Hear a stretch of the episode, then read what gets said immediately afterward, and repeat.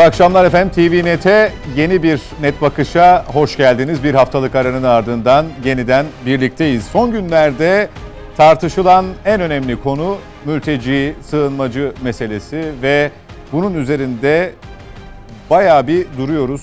Gündemi de, halkın gündemini de aslında, siyasetin gündemini de bir hayli meşgul ediyor. Bir yanda devletin yönettiği durumun sosyolojik, ekonomik ve siyasi boyutu. Diğer yanda ise muhalefetin, bazı grupların, sosyal medyayı kastediyorum bunda özellikle, olayı provoke etmesi bir başka deyişle de sinir uçlarına dokunma çabası. Özellikle e, sosyal medyada sözünü ettiğim paylaşımlar, provokatif görseller eşliğinde bir algı e, oluşturma çabasının olduğunu biliyoruz ve rakamlar havada uçuşuyor.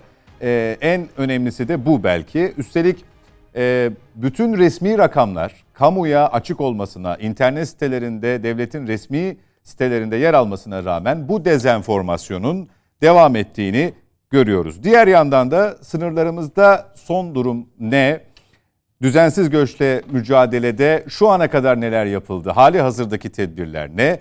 Bütün bu konuların muhatabını bu hafta net bakışta konuk ediyoruz. En yetkin ismi bir başka deyişle İçişleri Bakan Yardımcısı aynı zamanda Bakanlık Sözcüsü Sayın İsmail Çataklı bizimle. Hoş geldiniz Sayın Çataklı. Hoş bulduk. Teşekkür ediyorum. Daimi konuklarımız Nedim Şener ve Mete Yarar'la birlikte Sayın Çataklı'ya sorularımızı yönelteceğiz. Sizlerden gelen soruları da yine sosyal medya üzerinden vaktimiz yettiği ölçüde Sayın Bakan'a soracağız diyelim. Bu arada da biz yayına hazırlanırken kabine toplantısı sona erdi. Cumhurbaşkanı Erdoğan'ın e, açıklamalarında öne çıkan kısımlar vardı. Belki de en önemlisi Suriye'ye yönelik yeni bir harekatın hazırlığına dair ilk kez net konuştu Sayın Cumhurbaşkanı. Türk Silahlı Kuvvetleri istihbarat ve emniyet birimlerimiz hazırlıklarını tamamlar tamamlamaz bu bölgeye yönelik operasyonlar başlayacaktır. Perşembe gününü işaret etti Sayın Cumhurbaşkanı. Yani Milli Güvenlik Kurulu'nu. Orada da bu husustaki kararlarımızı alacağız ifadesini kullandı. İlerleyen dakikalarda bu konuya ilişkin detayları da paylaşacağız diyelim ve ilk soruyla başlayalım. Şimdi ben girizgahta rakamlar havada uçuşuyor dedim. Dün bugün sizi konuk edeceğimizi duyurduktan itibaren hazırlık yaparken yine birkaç rakama rastladım bu esnada. Hani bir böyle durulmuş gibi olmuştu geçtiğimiz hafta. Ee, sayılar üzerinden aslında bütünüyle yalan üzerinden bir e, manipülasyon çabası e, galiba bu işin karşılık bulduğu yönünde bir takım inandırıcılık tırnak içinde inandırıcılık oluşturuyor. Ya da yani yalan ve inandırıcılık aynı cümlede biraz garip oldu ama e, resmi rakamlar ortada. Bugüne kadar alınan tedbirler ortada ama diğer yandan da bu rakamlar herkes tarafından farklı şekilde telaffuz ediliyor ve bir alıcısı da var. Aslında onu söylemeye çalıştım Sayın Çataklı. Bizde biz son bu resmi rakamlarla başlayalım. Bilmiyorum ne kadar faydası olacak ama e, ellerinin altında e, bir tıkla ulaşabilirler bu rakamlara ama sizden bir kez daha dinleyerek başlamış olalım. Buyurunuz efendim.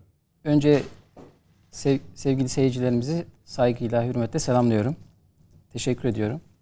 Şimdi tabii doğru söylüyorsunuz. Belli ki bir alıcısı var ki durmadan bu tekrarlanıyor. Ee, aslında e, yaşadığımız çağda e, bu iletişim teknolojisinde hızla e, gelişmesiyle birlikte e, bazıları bu alanları oldukça iyi kullanıyorlar. Kabul etmek lazım. Ama görüyoruz ki e, yalanı meslek edilmiş, e, profesyonel alanı haline dönüştürülmüş. Her seferinde siz doğrusunu ortaya koysanız da e, daha büyük bir yalan ortaya koyarak e, ve yalanda da üstelik ısrar ederek e, biraz da kamunun, devletin, ilgili kurumların güvenilirliğini de zedelemek suretiyle amacına ulaşmak isteyenler var. Bunu hepimiz biliyoruz maalesef. Şey, Göbels'in ruhunu da şad ederek değil mi?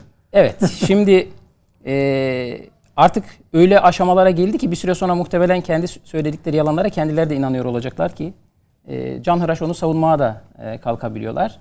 Siz de söylediniz. Bir tanesi çıkıp işte 8 milyon 800 bin kişiyi vatandaş yaptılar diyebiliyor. Ya da işte bunun 3 milyon 800 binde oy kullanacak diyebiliyor. Halbuki bu ülkede nüfus idaresi diye bir e, birimimiz var. Oradaki veriler açık. E, yıl yıl Türkiye'deki nüfusun nereye geldiği belli. Onu geçtik. İşte seçmen sayıları açık. Bunu siyasi partiler biliyor. Yüksek Seçim Kurulu biliyor. Ya orada anormal bir e, hareketlilik olmadığı da açık ama bunu buna devam edebiliyorlar. Çünkü burada asıl amaç e, kamunun, yönetimin güvenilirliğini zedelemek. Çünkü bu bunu yaptığınız zaman kamuya, devlete güven sarsıldığı zaman başka şeyleri de daha kolaylıkla yapabilirsiniz. Bunu bunu e, önemsemek lazım. Şimdi aynı şeyi e, göçle alakalı e, da yaşadık maalesef. Sadece e, bu oy e, kullanacak kişi sayısı ya da vatandaş yapılan sayıyla alakalı değil. E, biz göçle alakalı e, GöçNet diye 2015'te faaliyete geçirdiğimiz bir sistemimiz var. Ve haftalık oradaki verileri de e, ayrıca alıp internet sitemimizde de paylaşıyoruz. Yani bu GöçNet dediğimiz Mernis gibi nüfus kayıt sistemimizin bir benzeri. Yabancıların bütün bilgilerinin olduğu bir sistem. Hatta onun içeriğinde e, düzensiz göç veri tabanı da var. Yani kaçak göçmenleri de bütün bilgilerini işlediğiniz e, bir sistem altyapısı da var. E, bunu da dediğim gibi e, haftalık internet sitemizde temel verileri paylaşıyoruz. Hatta biliyorsunuz İçişleri Bakanlığı 3 yılı aştı zannediyorum. E, aylık değerlendirmeler yapıyoruz. Her ay da orada ayrıca bu verileri ben e, paylaşıyorum. Ben sözcü olarak Sayın Bakanımızın e, görevlendirmesi olmadan önce yazılı olarak bunları aslında paylaşıyorduk. Gene paylaşıyorduk kamuoyuyla. Yani bu konuda çok inanılmaz şeffafız. Kaldı ki şöyle bir şey daha var. Tıpkı e, seçmen meselesinde olduğu gibi yabancılara biz bir yabancı kimlik numarası veriyoruz. Bu kayıt altına aldığınız yabancı bu kimlik numarası olmadan Türkiye'de iş yapması mümkün değil. Ne demek bu? Yani bankaya gidip hesap açtıramazsınız. Ev kiralayamazsınız. Yani TC'den bahsediyor. TC'nin yabancılar versiyonu, yabancı kimlik numarası. Yani okula gidip gitse kaydedemez. Efendim e, herhangi bir e, e, sağlık kuruluşuna sağlık gitse muayene olamaz. muayene olamaz. Yani TC'siz bir vatandaşın dolaşması neyse yabancı için de Türkiye'de kayıt altında bulunan yabancılar için de aynı şey geçerlidir. Siz e, Türkiye'ye giren normal düzenli göçmenler ve Suriye evet. sığınmacılardan bahsederek Aynen konuşuyorsunuz. Aynen öyle. Şimdi dolayısıyla bunlar bile tartışılıyor malum şu anda. Yani işte en özel en temeli de Suriyeli Suriyelilerle alakalı. Şimdi burada tabii biraz sonra rakamları konuşuruz ama bence öncelikle burada amaç ne onu bir e, ortaya koymak lazım. Aslında buna benzer son son dönemde yaşadığımız duruma benzer bir olayı yerel seçimlerden önce de hatırlarsanız bir e, yaşamıştık. O seçimlerden sonra sönümlendi. Bu da son dönemde e, tekrar hızlı bir şekilde gündeme getirildi.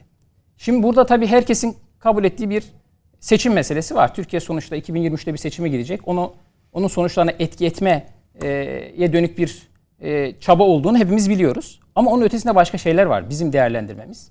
Özellikle bu son dönemdeki paylaşımlarda bunu e, gördük. O da nedir? Bir defa Türkiye'de her yabancıyı e, Suriyeli gösterme e, çabası var. Yani özellikle İslam coğrafyasından, işte Orta Doğu ve Kuzey Afrika'dan gelen, Müslüman coğrafyadan gelenleri de bir defa e, mülteci gösterme, tırnak içinde irite etme çabası var. Bu da ayrı bir propaganda aracı. Aynı, kesinlikle öyle. Çünkü dikkat edin paylaşılan resimlere falan baktığınız zaman işte bir gelmiş e, normal e, bir turist olarak örneğin Birleşik Arap Emirlikleri'nden gelmiş ya da Pakistan'dan gelmiş. Nere, İstanbul'a gelseniz ilk nereye gidersiniz? Ya Sultanahmet'e gidersiniz. Yani Paris'e gittiğiniz bir, bir Şanzelize'de yürürsünüz değil mi? Yani öyledir. Ya da Londra'ya gitseniz bir e, Hyde Park'ta, Green Park'ta dolaşırsınız. Yani Buckingham Sarayı'na uğrarsınız. Ya bu böyle bir şeydir. E, dışarıdan özellikle İslam coğrafyasına gelenler de İstanbul'un İstanbul'un belli e, yerlerini ziyaret etmek istiyorlar. Dikkat edin onları fotoğraflayarak çoğunlukla bir e, işte istila edildi sözüm ona demeye çalıştılar. Ya da tekne kiraladılar, düğün yapıyorlar vesaire biliyorsunuz belli coğrafyadan gelenler de bu yaygın. Onları va- normal vapurlarmış gibi paylaştılar. Burada şunu demek istiyorum. Birincisi burada turizm hedefi var. Yani Türkiye'nin turizmini dolayısıyla buradan da hareketle sizin Türkiye'nin ekonomisini sıkıntıya sokmaya dönük bir çaba olduğu asla yatsınamaz. Bunun ötesinde bir şey daha bence ilave etmemiz lazım. Ee, Türkiye'nin oluşturduğu güvenli bölgeler meselesi var. Çünkü biz Türkiye, e, Suriye'de elbette bunun bir terör tarafı var. Mete Bey de burada. E, yani Türkiye'nin güney hattında oluşturulmak istenen e, bir koridor var. Ben 2016-2017 yıllar arasında Kilis valiliği yaptım. DAEŞ'in attığı roketlerden bir kısmında Bu kardeşiniz yedi orada. E, şehitler verdik. E, dolayısıyla terör dışında da orada daha fazla sığınma sığınmacının ülkeye gelmesini engellemeye dönük birazdan belki konuşuruz. Oluşturduğumuz alanlar var. Siz herkesi sürelim Suriye'nin güvenliği sağlanmamış bölgelerde dahil oraya doğru sürelim dediğiniz zaman sizin o güvenliği sağlanmış yerdeki iddianızı ortadan kaldıracaksınız. Dolayısıyla oralara başkaları gelip yerleşecek. Tekrar başa döneceğiz. Ya bu Suriye politikasını, güvenliği sağlanan yerlerle ilgili politikasını zafiyete düşürme e, iradesi var, çabası var burada. İşte Afrin'e kimlerin geleceğini, Türkiye'yi nasıl etkileyeceğini herkesin çok dikkati düşünmesi lazım. Bir başka konu daha var. Yani ne dedik? Seçim dedik, efendim turizm ve dolayısıyla ekonomi dedik, güvenliği sağlanan bölgeleri dedik ama daha kritik bir şey var. Türkiye'nin bir itibarı var. Ya bölgesinde ve dünyada oluşturduğu bir güven iklimi var. İşte en son Ukrayna Savaşı'nda bunu gördük. Türkiye'nin tırnak içinde bu yolla karizmasını çizme çabası var. Bizi tekrar başa döndürmek, yaptığımız bazı doğruları yanlışa dönüştürmek isteyenler var. Ben burada bir şey sorabilir miyim Sayın Bakanım? Yani eğer e, tam Buyurun. sözünüzün tam o, hani, merkezinde olduğu için. Hani siz de şeyi çok seviyorsunuz merkezden kopmamayı. E, şimdi genel olarak Türkiye'de e, belli bir anlamda e, bu söylemler karşılık bulmuş durumda. Yani e, farklı farklı illerde, farklı farklı yerlerde bu tür olaylar e, insanların artık gözüne daha fazlasıyla e, seçici bir şekilde gelmek geldi. E, bu işin bir gerçeklik tarafı var. Siz de bunu kabul ediyorsunuz. Sayın Cumhurbaşkanı da kabul ediyor. Çünkü sonuçta geriye döndürmekle ilgili projeler eğer gündeme geliyorsa aslında bunun artık kalıcı bir hale gelmemesi, insanların kendi topraklarına dönmesi e, konusu veya sınır güvenliğinin daha e, hızlı alınması ile ilgili tepkiler alınması sizin de gündeminizde. O zaman şunu ayırmakta yarar var mı Sayın Bakanım? Yani bu sorunu tartışmak ve hani dediniz ya dört tane madde saydınız. Ben beşinci madde olarak başka bir şey daha söyleyeyim. Bu sorunun çözümsüzlüğünü isteyenler de bu işi tartışılmaz hale getiriyorlar. Tartışmama noktasına getiriyorlar. Çünkü e, siz bir rakam söylediğinizde başka taraf uçuk bir rakam söylediğinde e, o zaman e, ortada tartışacak fazla bir şey kalmıyor. Ama asıl konuşulması gereken ortada bir sorun oldu. Çünkü Suriye'de bir sorun vardı. Bu sorunun yansıması Türkiye'ye geldi. Sonuçta Afganistan'da, Pakistan'da ve birçok yer coğrafyada sorun var. Türkiye'ye bir göç e, ne diyeyim hattı üzerinde bulunuyor. Göç alan bir hat üzerinde bulunuyor. Bunların her birinin Türkiye'nin etkilenmesi mümkün değil. E, siz de bu gözden bakıyorsunuz. Evet tartışmalıyız ama bunu gerçek rakamlar üzerinden mi e, demek şimdi, doğru olur? Şimdi Mete Bey e, detayları biraz sonra konuşuruz Hı-hı. ama şöyle bir şey. Şu anda 3 milyon 700 küsür bin Suriyeli var ülkemizde. Hı hı. 3 milyon 750 bir rakam değil, bir can. Her biri insan bunlar. Tabii. Ya bu insanlar e, işte e, diğer ülkelere gidenleri bir kenara bıraksak bile e, her şeyini bırakarak geldiler. Yani evini bıraktılar, işini bıraktılar, bütün varlıklarını bıraktılar, emekli ikramiyelerini bıraktılar, maaşlarını bıraktılar. Bir çantaya ne alabilirsin, alabilirsin aldı geldiler. Şimdi zaten insani olan bu insanların kendi evine, yurduna, sağlık, huzur içerisinde, güven içerisinde nasıl döneceklerini tartışmak temel insani bir şey. Politik tarafını kenara bırakalım. Ya bu, bu ortada bir e, Türkiye'nin yüklendiği bir yük var, bir omuz verdiği bir e, sorun var. Bunun çözümünü tartışmaktan doğal bir şey yok. Buna kimse itiraz edemez. Zaten hakikaten akla mantığa da uygun olmaz. Ama burada sorunu başka alanlara götürmek, buradan manipülatif bazı sonuçlar elde etmeye çalışmak bizim şu anda üzerine durduğumuz, karşı duruş gösterdiğimiz. Şimdi daha önce de ifade ettim. E, yani en son bu özellikle son dönemdeki e, sosyal medya üzerinden yürütülmeye çalışılan e, bir provokasyon oldu biliyorsunuz. İşte bunların yüzde 42'si bot hesaplardan yapıldı. E bunların da yüzde 32'si yaklaşık FETÖ hesaplarıydı. Yüzde 11-12'leri de PKK hesaplarıydı. Buradan zaten kimin ne yapmak istiyor? Bunlar sorun soruna çözüm mü arıyorlar? Ya bunlar sorun çözülsün diye mi bunu yaptılar? Hayır. Burada var olan bir problem var. Zaten 3 milyon 700 bin insan bu ülkeye sığınmış.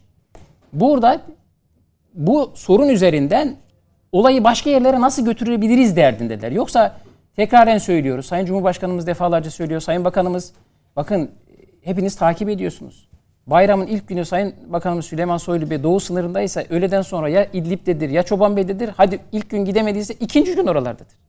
Yani kusura bakmayın Süleyman Bakanımız da çoluğu çocuğu var. Bizim de çoluğumuz çocuğumuz var. Biz de bayram günü hafta sonları hep oraları dolaşıp bu iş bu işe çare bulacağız diye uğra- uğraşmak yerine biz de gidip evimizde oturabilirdik yani. Biz sor- sorun yok demiyoruz. Zaten 3 milyon 700 bin insan gelmiş. Ortada bir sorun var. Ama biz diyoruz ki buna sağlıklı, makul, mantıklı çözümler olması lazım. Biz sorunun farkındayız. Buna dönük çözüm planlarımız, stratejilerimiz de var. Bunları tartışabiliriz. Bu başka bir şey. Ama buradaki sorunu alıp ayrı bir gündeme götürmek. Hani deyim yerindeyse sorunun da ötesinde yeni sorun alanları oluşturma çabası İşte başka bir sanki şey. sizin tarafınızdan bu rakamlar do- ya- doğruyu yansıtmıyor diye paylaşılınca sizin de bunu sorun olarak görmediğinizi deklare ettiğiniz anlaşılıyor gibi bir algı da başka işin başka bir çabası galiba. Şey, değil mi? Bolt hesaptan bahsettiniz ya Sayın Bakanım. Yan- yanlış anlamayın. Sonuçta bir dönem önce AK Parti'den milletvekili olan, profesör e, olan bir hanımefendi. Yani Türkiye'de 8 milyon 800 8 milyon kişi vatandaşlık aldı. Bunun kaç milyonu da oy atacaktı? 3 milyon 800, 800 eğer milyonu da yanlış 3 hatırlamıyorsam. milyon 800 bin kişi de oy atacaktı dedi. Şimdi tamam Bolt hesabı anladım. Eyvallah. Ama Zaten sonuçta yüzde yüzde 42'si gol dedim. Tamam, Geriye ya kalan yüzde an- 58. anladım ama yani ve yani böyle bir bilginin e, böyle bir bilginin sarf edilmesi için demin söylediniz ya siz seçim zamanı bu seçim listeleri kimin önüne gelecek? Hepsi bütün siyasi partilerin Siyasi gelecek. partilerin. Hepsi görecek. onlara onlara da itiraz etme hakları var Tabii, mi? tabii, tabii. Peki bu 8 milyonu nereye yani 83 milyon 8 milyon vatandaş olduysa 91 milyona sıçramış olacağız doğru mu? Şimdi buradaki mesele e, aynen öyle. Buradaki mesele doğruluk değil zaten Mete Bey. Ya siz hani e, doğruyu siz ortaya ko- ko- e, koyana kadar yalan epey bir yol almış oluyor. Anlatabiliyor muyum? Ya mesele onun doğruluğu ya da oradan bir e, açık varlığı değil konu. O yalanda bir, bir şey bir amaca hizmet ediyor. Bir manipülasyonu yapmış oluyor. Yani bu kötü bir şey mi? Kötü bir şey. Ama var mı? Var. Dolayısıyla bize düşen nedir? Şeffaf olacağız. Biz onun için e, anlatmaya çalışıyoruz, gayret ediyoruz. E, internet sitelerimizden yayınlıyoruz, açıyoruz. E, düzen olarak kamuoyunu bilgilendirmeye çalışıyoruz. Bugün de e, burada müsaadenizle bu şeyleri tekrar özellikle konuşacağız ki bir e, şey kalmasın. E, kimsenin kafasında bir tereddüt kalmasın. Tekraren şu önemli. E, bizim e, gerek geçici koruma altındaki Suriyeliler, gerek 300 küsür bin, 320 bin vesaire olması lazım. E, uluslararası koruma kapsamında yani e, ülkemizde savaş ve benzeri sebeplerle gelmiş olanlar, gerekse e, düzenli göçmen dediğimiz e, ikametli olarak ülkemizde bulunan, bu ekranda şimdi arkadaşlar verdiler görüyoruz. Bu kişilerin bütün bilgileri kayıtlıdır. E, bizim göçnet sistemimizde e, isimleri dahil, uyrukları dahil, temel verileri, resimleri, biyometrik verileri dahil hepsi kayıtlıdır. Dolayısıyla burada bir e, şey şansımız yok. Yani e, burada bir e, eksik ya da fazla gösterme şansımız yok. Niye yok? Çünkü biz bunları yıl yıl zaten ne yaptık? Anlatıyoruz, aktarıyoruz. Sistemimizde var.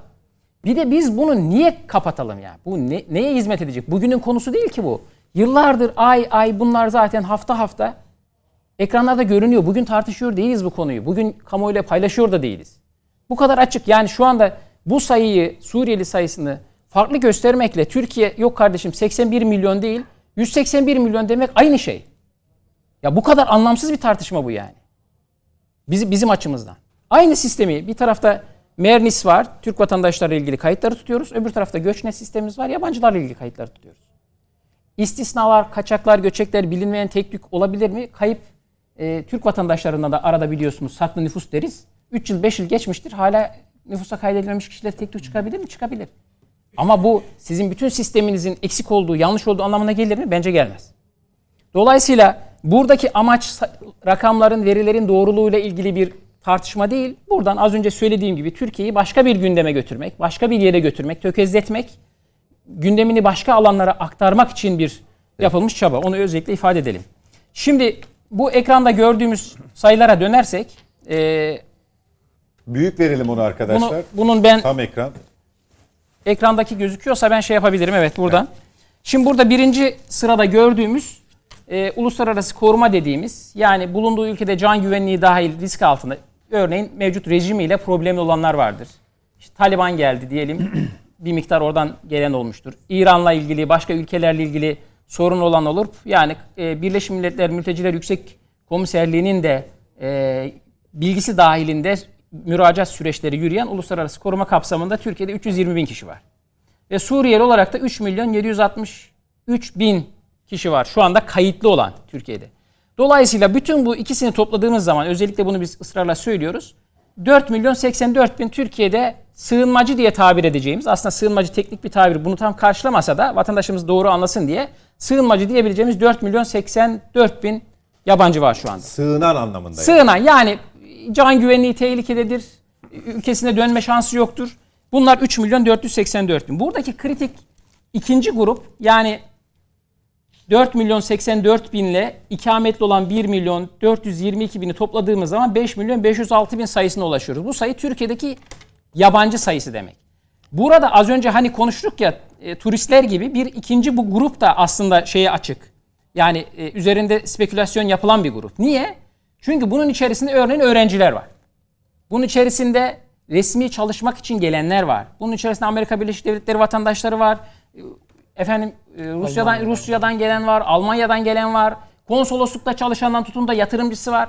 Bu 1 milyon 422 bin 736 bir şey değil. Göçmen değil, sığın, ya düzensiz göçmen değil, sığınmacı değil. Düzenli olarak ülkeye gelmiş, yasal yollardan gelmiş.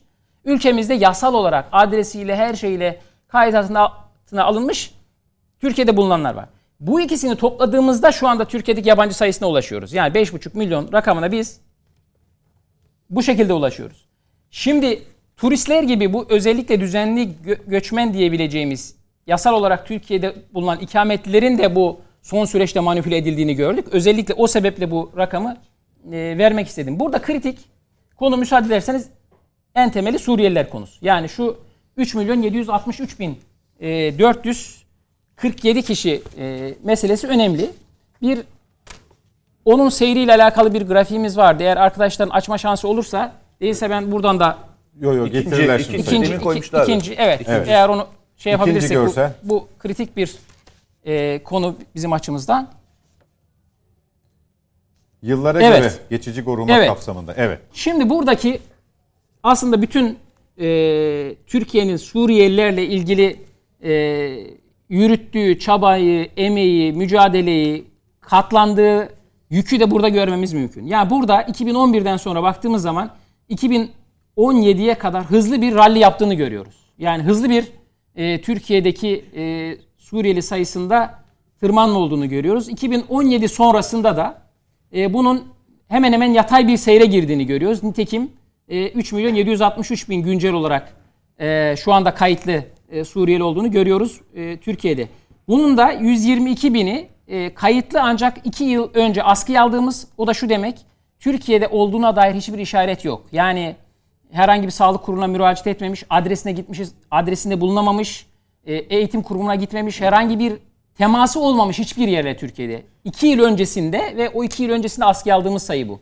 Dolayısıyla bu bir kısmı biliyorsunuz e, sonuçta Türkiye'ye gelenler ilk andan itibaren kayıt altına alındı ama bir kısmının Avrupa'ya geçtiğini de biliyoruz. Bu o anlama geliyor. Şimdi burada ben genel olarak Türkiye'nin e, Suriyelilerle ilgili e, sürecini üçe ayırıyorum.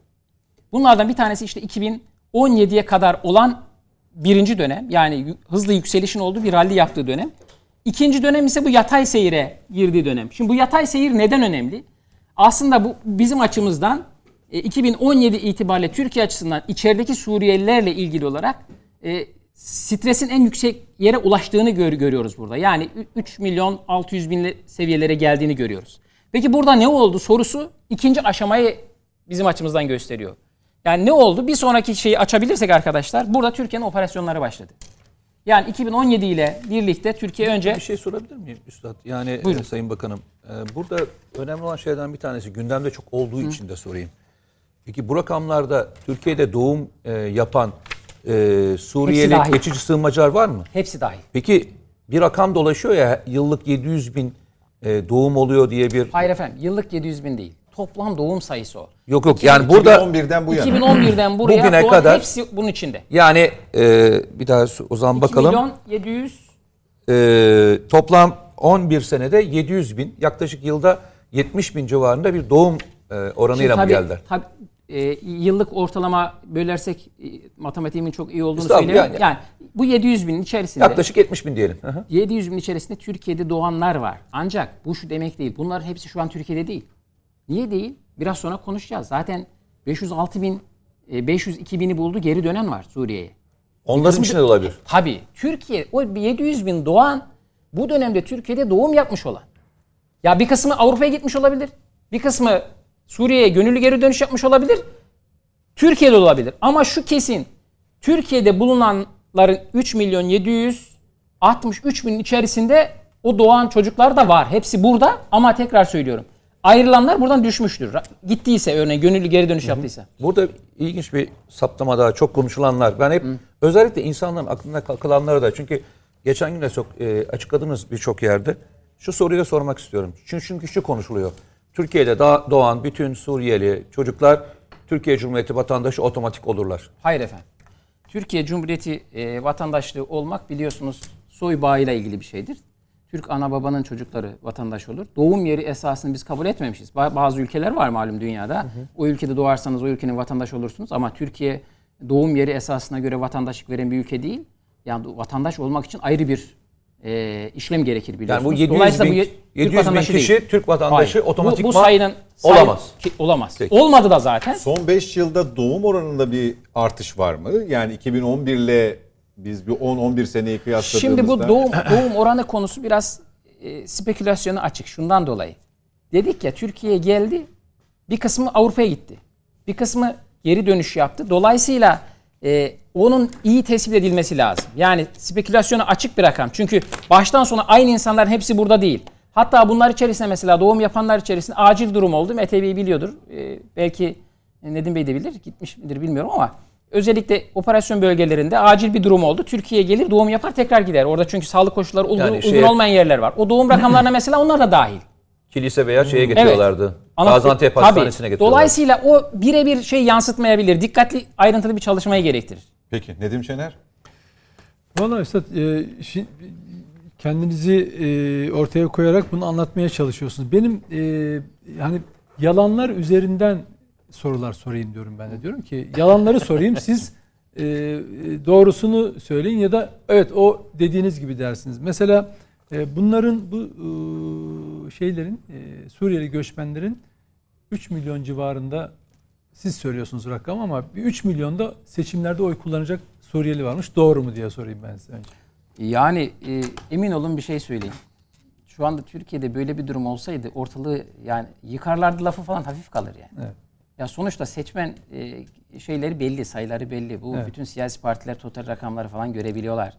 Ya orada en ufak bir oynama olsa ya bunu nasıl saklayabilirsiniz? Hakikaten benim aklım almıyor. Yani bazı şeyleri yani e, izah izahta zorlanırsınız ya. Bu akıl dışı bir şey yani. Evet. Peki e, son zamanlarda özellikle İstanbul başta olmak üzere konut fiyatlarında hem kirada hem de satılıklarda büyük fiyat şey var.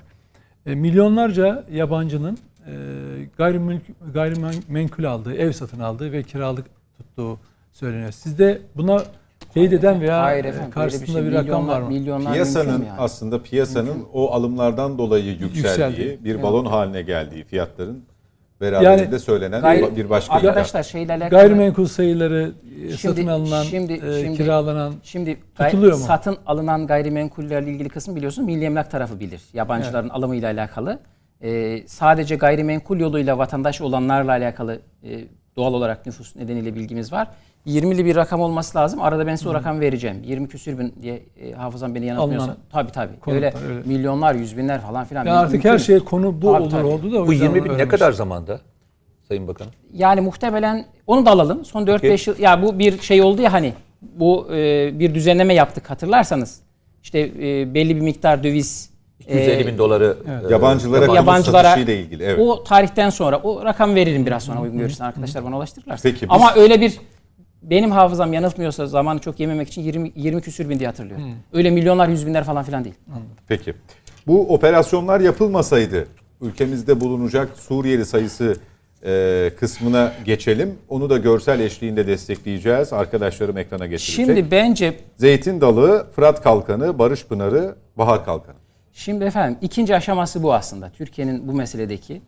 Bence e, Cumhuriyet tarihinde karşı karşıya kaldığı riskler bakımından attığı önemli adımlardan biridir bu ülkenin. E, bu yolla biz sonuçta şehitler verdik. E, sonra e, operasyonlar sonrasında da müsaadenizle birazdan açacağım. E, ciddi çalışmalar yürüttük bu bölgelerde. E, bunun bile hani hem başta hatırlayın e, tezkereye karşı çıkarak bu operasyonlara karşı çıkmışlardı. Şimdi e, aynı e, alanda e, aynı kişilerin e, yürütmeye çalıştığımız, oluşturulmaya çalışılan güvenli bölge içinde aynı itirazları dile getirdiğini görüyoruz. Şimdi malum 24 e, Ağustos'tu değil mi? 24 Ağustos'ta başladı Fırat Kalkanı 2016'da. 2017'nin e, baharın e, büyük oranda tamamlandı. Şu anda e, Fırat Kalkanı bölgesinde 1 milyon 300 bin 1.3 milyon yani insan yaşıyor. Biz eğer orada DAEŞ, PKK ve diğerleri diğer terör örgütlerine dönük operasyonu yapmamış olsaydık yani burada ilk sırada gösterdiğimiz kısım olarak söylüyorum. Fırat Kalkanı 1.3. bölgesi Fırat Kalkanı bölgesi yani Azez'den Cerablus'a derinliğinde Baba kadar olan bölgedeki insanlar nereye gidecekti? Artı 1.3. Artı 1.3 olacaktı. E sonra ne yaptık?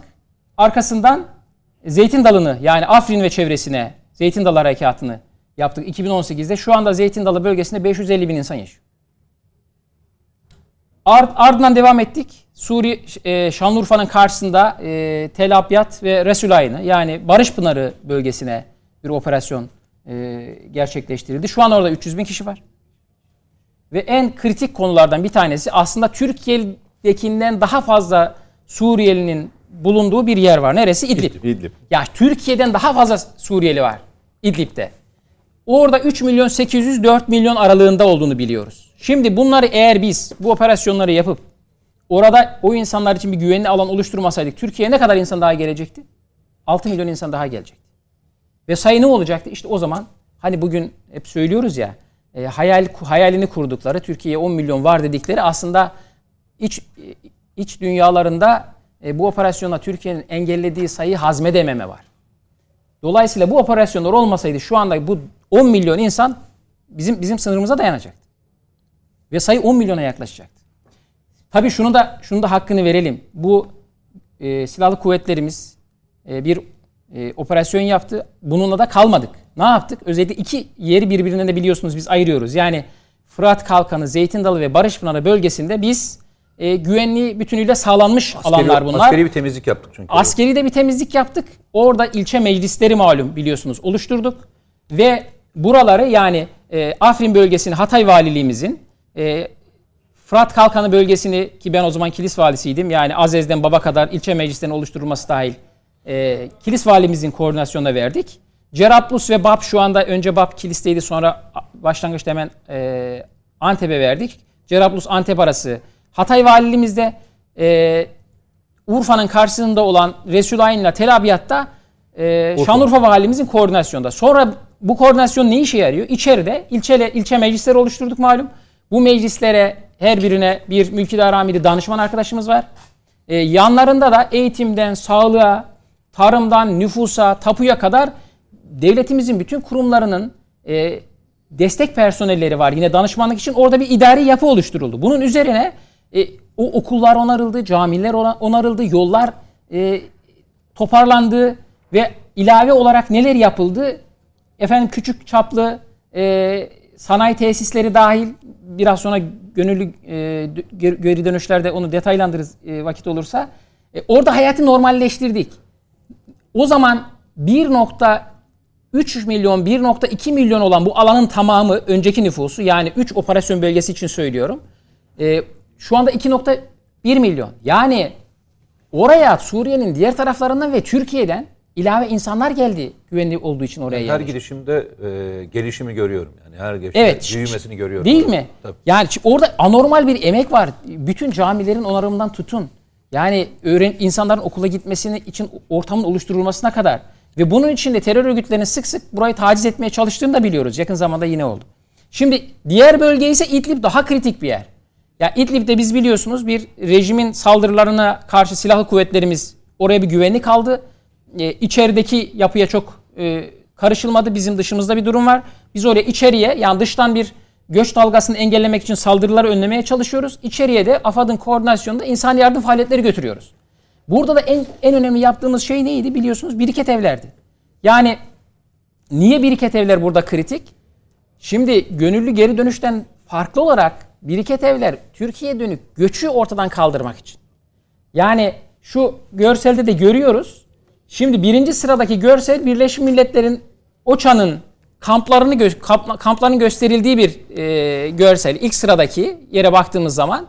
İkinciyi Mete Bey büyük ihtimalle biliyorsunuzdur burası Atme kamp. Yani 800 bin ile 1 milyon küsür arasında olduğu söylenen nüfusun olduğu yer, olduğu yer bir kamp. Yani ilk sıradaki Birleşmiş Milletler'in kamp noktalarını gösteriyor. Ortadaki onlardan sadece bir tanesi. Niye? Çünkü rakamlarda da görüyoruz. Düzenli düzensiz 1 milyon 1257 tane kamp var. İdlib'de. Toplam nüfus 3 milyon 800 binin biraz üzerinde. Çok kritik bir rakam var arkadaşlar karşıda. Biraz sonrasını üzerine inşa etmemiz anlamda önemli. Bunun 1 milyon 398 bini kamplarda kalıyor.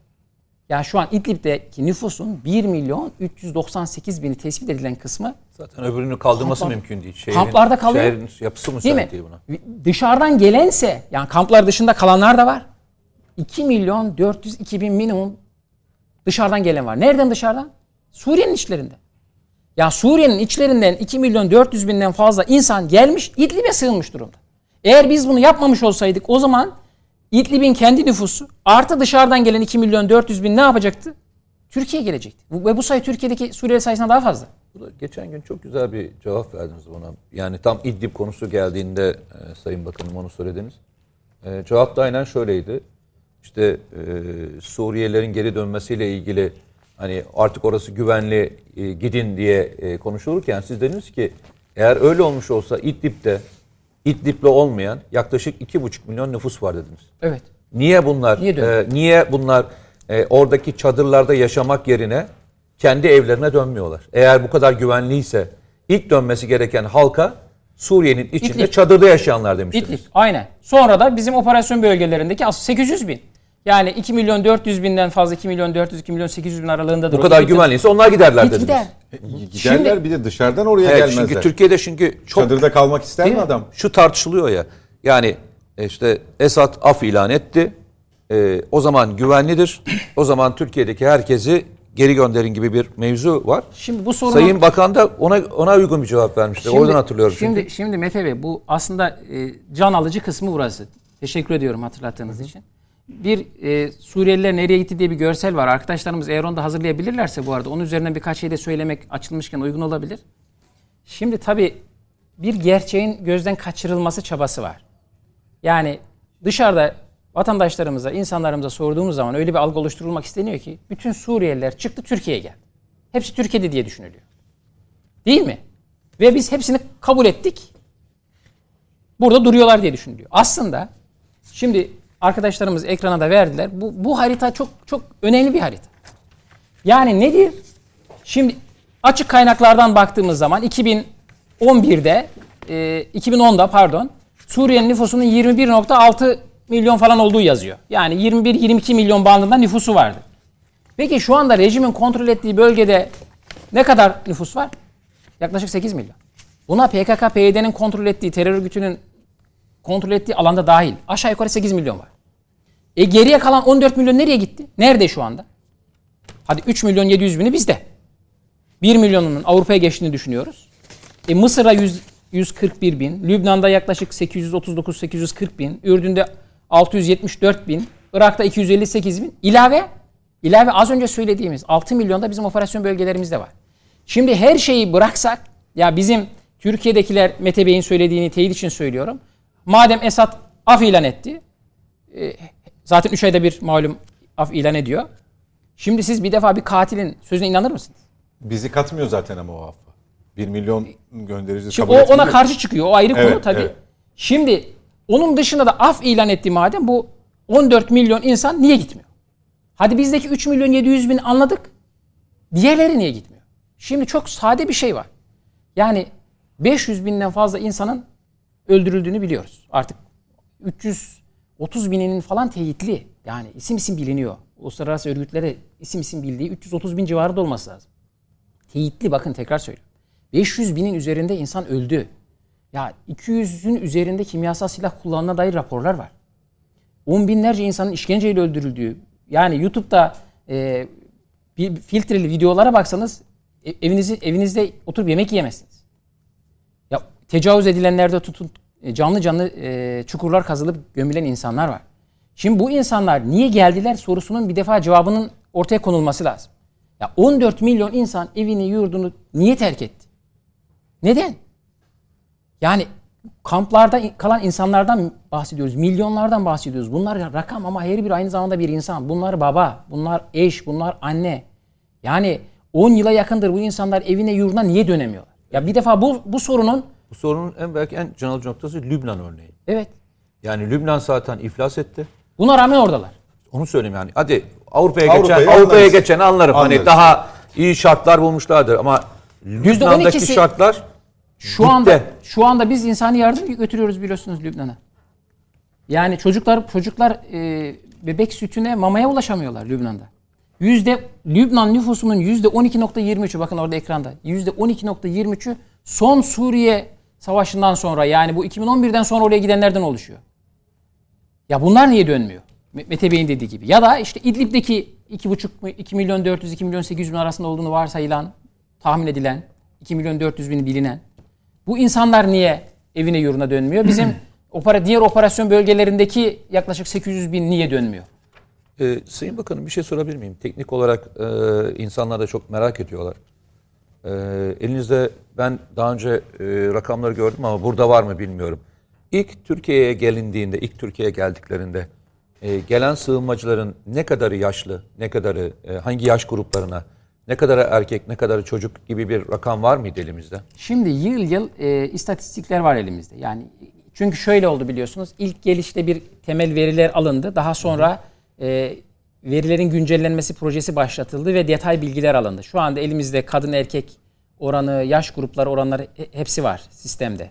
Ya şöyle öyle çok anormal bir e, farklılık gözükmüyor. Kadın erkek sayısı... Yok yok şunu açıdan sordum. E, gelenlerin büyük bir çoğunluğu o dönemde yaşlı kadın Doğru. ve çocuktu. Yani Şimdi buradan e, tam o anlamda sor. Şimdi yani şöyle. Soracağım. Ya bu da önemli bir konu.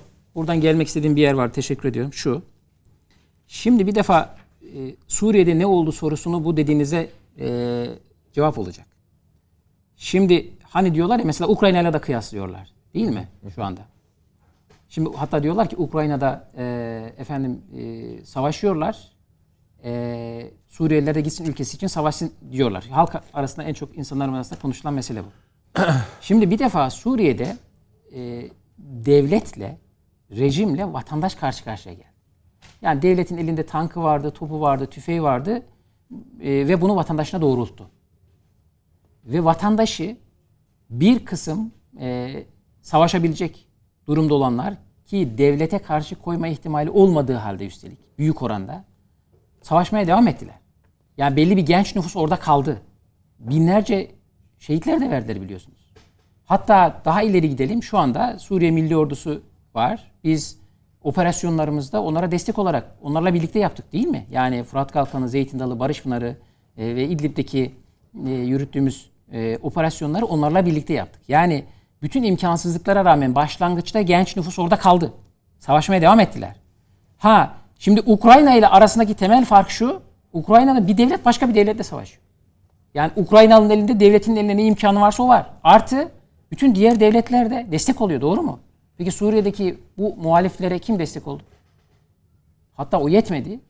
Rejimin yanına sonradan işte İranlı milisler eklendi. Sonra Amerika'sı, Rusya'sı önce bir DAEŞ terör örgütünü getirdiler oraya. Birilerine alan açmak için Monte e, yerleştirdiler. Sonra bir de DAEŞ, DAEŞ'lar bunlara Hizbullah geldi. E, eziyet edildi. Ondan sonra DAEŞ'i temizleme ayağına PKK'ya destek olundu. PKK yerleştirildi ve e, bu, bu insanlar ciddi kayıplar verdi. Yani şunu demek istiyorum. Kıyaslamalar yapılırken gerçekliğinden uzaklaşmamak lazım. Bu bize bir fayda sağlamaz. Yani e, so, sonuçta Elbette ülkemizin lehine, memleketimiz lehine düşüneceğiz. Ee, ama insani kısımda e, zemini farklı yerlere kaydırdığımız zaman, gerçeklikten uzaklaştırdığımız zaman çareler de, çözümler de e, ayağa yere basar şekilde olmaz. Yani başlangıçta rakamlar var, e, çıkartılabilir sistemden. Yani yıl yıl gelenlerin e, yaş aralıkları, meslekleri vesaire yani var. Arkadaşlar da varsa yani ben e, onun paylaşılmasını çok özellikle rica ediyorum. Yani e, zirve yaptığı, zirve yaptığı sizin de hani ilk büyük rakamın geldiği dediği tarihler. Çünkü o zaman e, büyük bir göç olmuştu. Çünkü de, DH da o zaman girmişti Doğru. e, yola. E, yani 2015 tarihindeki rakam olursa ben çok memnun olurum. Burada en azından e, insanlar da e, bu rakamları bilmesi açısından önemli. Doğru. E, ben şunu soracaktım orada. E, yani tabii en önemli şeylerden bir tanesi yerinde görmek. Yani demin sorduğumuz soruların tamamını e, karşıya geçip hem kampları ilk başlangıçtan itibaren gidip gördüğüm için şunu söyleyebilirim ben. E, demin de e, verileri verirken ve verilerle konuşurken bir rakam verdiniz. Türkiye'de en çok eleştirilen konulardan bir tanesi e, Suriyelilere verilen yardımların e, Türk vatandaşların önüne geçtiğini. Türkiye'de zaten hani sosyal yardım anlamında e, işte bu hayat pahalılığı ve diğerleriyle ilgili problem yaşarken sağlıkta olsun. İşte örnek veriyorum. Bir hastaneye gittiğinizde e, yabancı vatandaşsanız, Suriyeli sığınmacıysanız e, siz öne geçiyorsunuz. Yani sizin önünüze geçiyor. Veya işte ne diyeyim e, banka kartlarıyla aylık işte 1200 lira e, maaş alıyorlar. Veya e, işte ne diyeyim e, sizin hani söyleyeceğiniz bugüne kadar söylenen onlarcasını artık ben hatırlayamadığım için söylüyorum. Soru şu olsun. Türkiye Cumhuriyeti Devleti Türkiye'deki sığınmacılara verdiği kaynaklarından, öz kaynaklarından verdiği hizmet nedir? Bunu söyleyebilme şansınız var. Var. Şimdi ama müsaade ederseniz bir şu İdlib'le alakalı bir konuyu Tabii, tabii. tamamlayıp oradan Çünkü buraya İdlib- gelelim. İdlib'de çünkü o tam bunun merkezinde de o yüzden Doğru. söylüyorum. Şimdi biz e, şunu e, bölümü de belki kapatmış oluruz. Bu e, arkadaşlarımız eğer e, biz ne yapıyoruz kısm diye bir e, görselimiz var İdlib'de. Onu bir şey yapabilirsek konu açılmışken onu, Onu bir kapatmış tam oluruz. ekran verelim.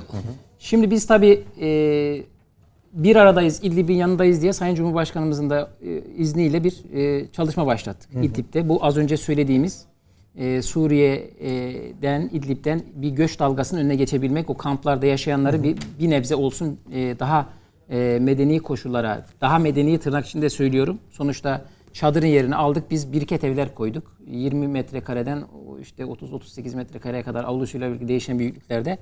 Burada da tabii bunu yaparken de sivil toplum kuruluşlarımızın da desteğiyle yaptık. Yani bunun e, biz AFAD olarak koordine ettik. Sadece bir il valileriyle onların koordinasyonunda toplanan bağışlardan 7500 tane onlar, da bağış e, yapıldı. Onun dışında kalanların tamamında sivil toplum kuruluşlarımızın bağışlarla yapıldı. Şu anda da bu e, biten e, sayısı e, 57 bini geçti. 57.306 olmuş ve bunun 50.440'ına da yerleşim oldu.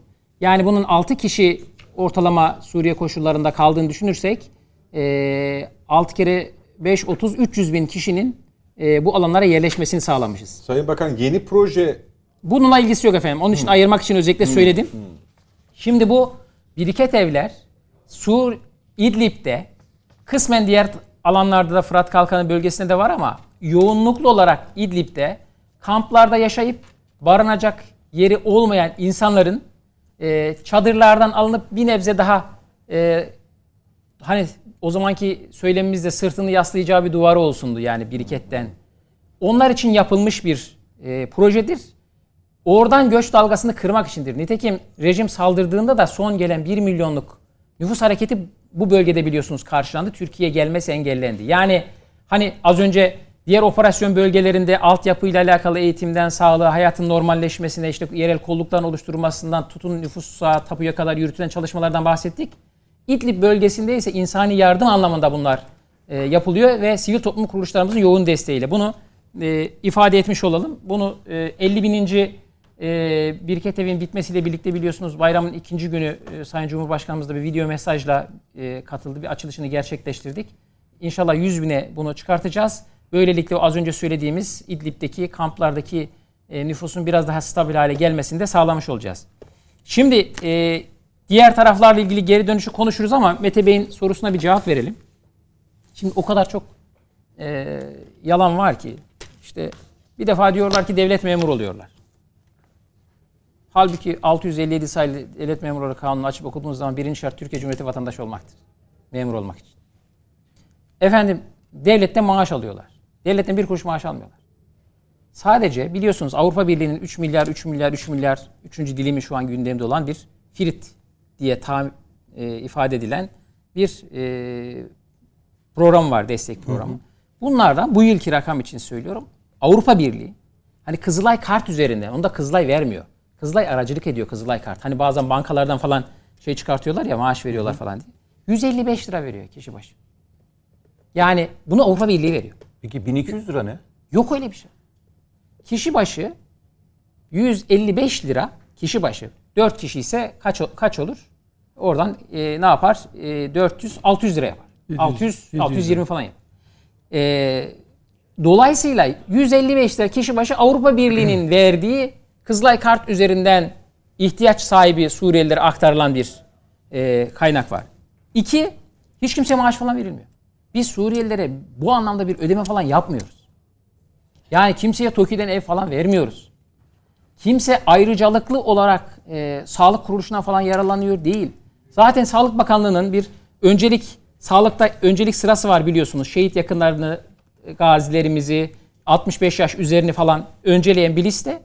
Onun dışında hiç kimsenin gidip hastanelerden öncelikli e, olarak e, faydalanması falan mümkün değil. Efendim herkes üniversite mi okuyor? Okumuyor efendim.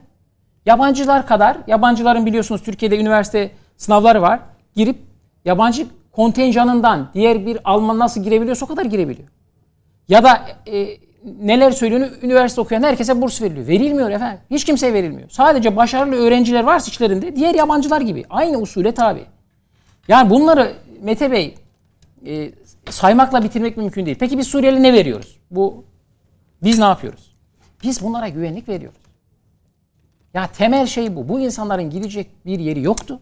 Biz bu ülke, bu insanlara ülkemize girmesine, bu ülkeye sığınmasına imkan verdik. Biz bu bu ülkede güvenli bir ortam verdik. Sayın Bakan bu, kaç kaç kişiye vatandaşlık verdik? Yani en son 201 bin olması lazım. 201 bin. Açıkladık zaten biliyorsun. Evet. E, bunu mesela yani bu ne, yalnızca Suri, Suriyeli sığınmacılar. Suriyeli. Evet. Neden Suriyeli. verdik biz bu Şimdi bunun da tabii önemli bir e, şeyini de açıklayalım. Tabii e, bu e, 200 bin kişiye verdik deyince kimse bir şey e, bir soruyu sormayınca biz de açıkladık. Bunların 47 bin de e, Bayır Bucak Türkmenleri biliyorsunuz. Yani 200 bini de Arap değil. Bu 201 binin de e, 47 bini de Türkmen. Onu da ifade edelim. Şimdi efendim yani dünyanın her yerinde vatandaşlık verilir başka ülkeler, başka ülkelerden insanlara. Doğru mu? Belli nitelikleri sebebiyle verirsiniz. Ülkeye katkısı nedeniyle verirsiniz. Stratejik amaçlarınız vardır verirsiniz. 2011 yılından bu yana 11 yıl geçmiş. 3 milyon 700 küsür bin Suriyeli'den 200 bin vatandaş yapılan sayısı. Yani anlatabiliyor muyum? Az önceki aynı Top, yere geleceğiz. Toplam toplam Türk vatandaşlığı alan yabancı sayısı kaçtır ve onun içindeki oranı nedir? Şimdi e, tabii bu yani mesela şimdi, 1 milyon kişi Yok öyle bir öyle bir rakam söz konusu. Yıl itibariyle almanız lazım onu tabii. Evet. Yani burada konuştuğumuz rakam 2011'den sonra Sonrası Suriyeliler için. Ya o dönemde rakamlar da verdik mesela. E, arkadaşlar burada varsa yanlış bir rakam söylememek için e, ifade edeyim. Mesela 37 bin aynı dönemde Afgan var. Bunun da 17 bini Türk. Ya da işte 101 bin Ahıskalı var. Ya da şey var 7 e, bin yaklaşık Uygur var. Yani bu e, tabi burada şeyler önemli e, Nedim Bey. Yıl itibariyle sonuçta Türkiye'nin Cumhuriyet'in ilk yılından bu tarafa dönem dönem işte değişik ülkelerde. sonrasını söylüyoruz. Yani bunların yıl yıl, yıl farklarına göre bakmak evet. lazım evet. ne olduğuna.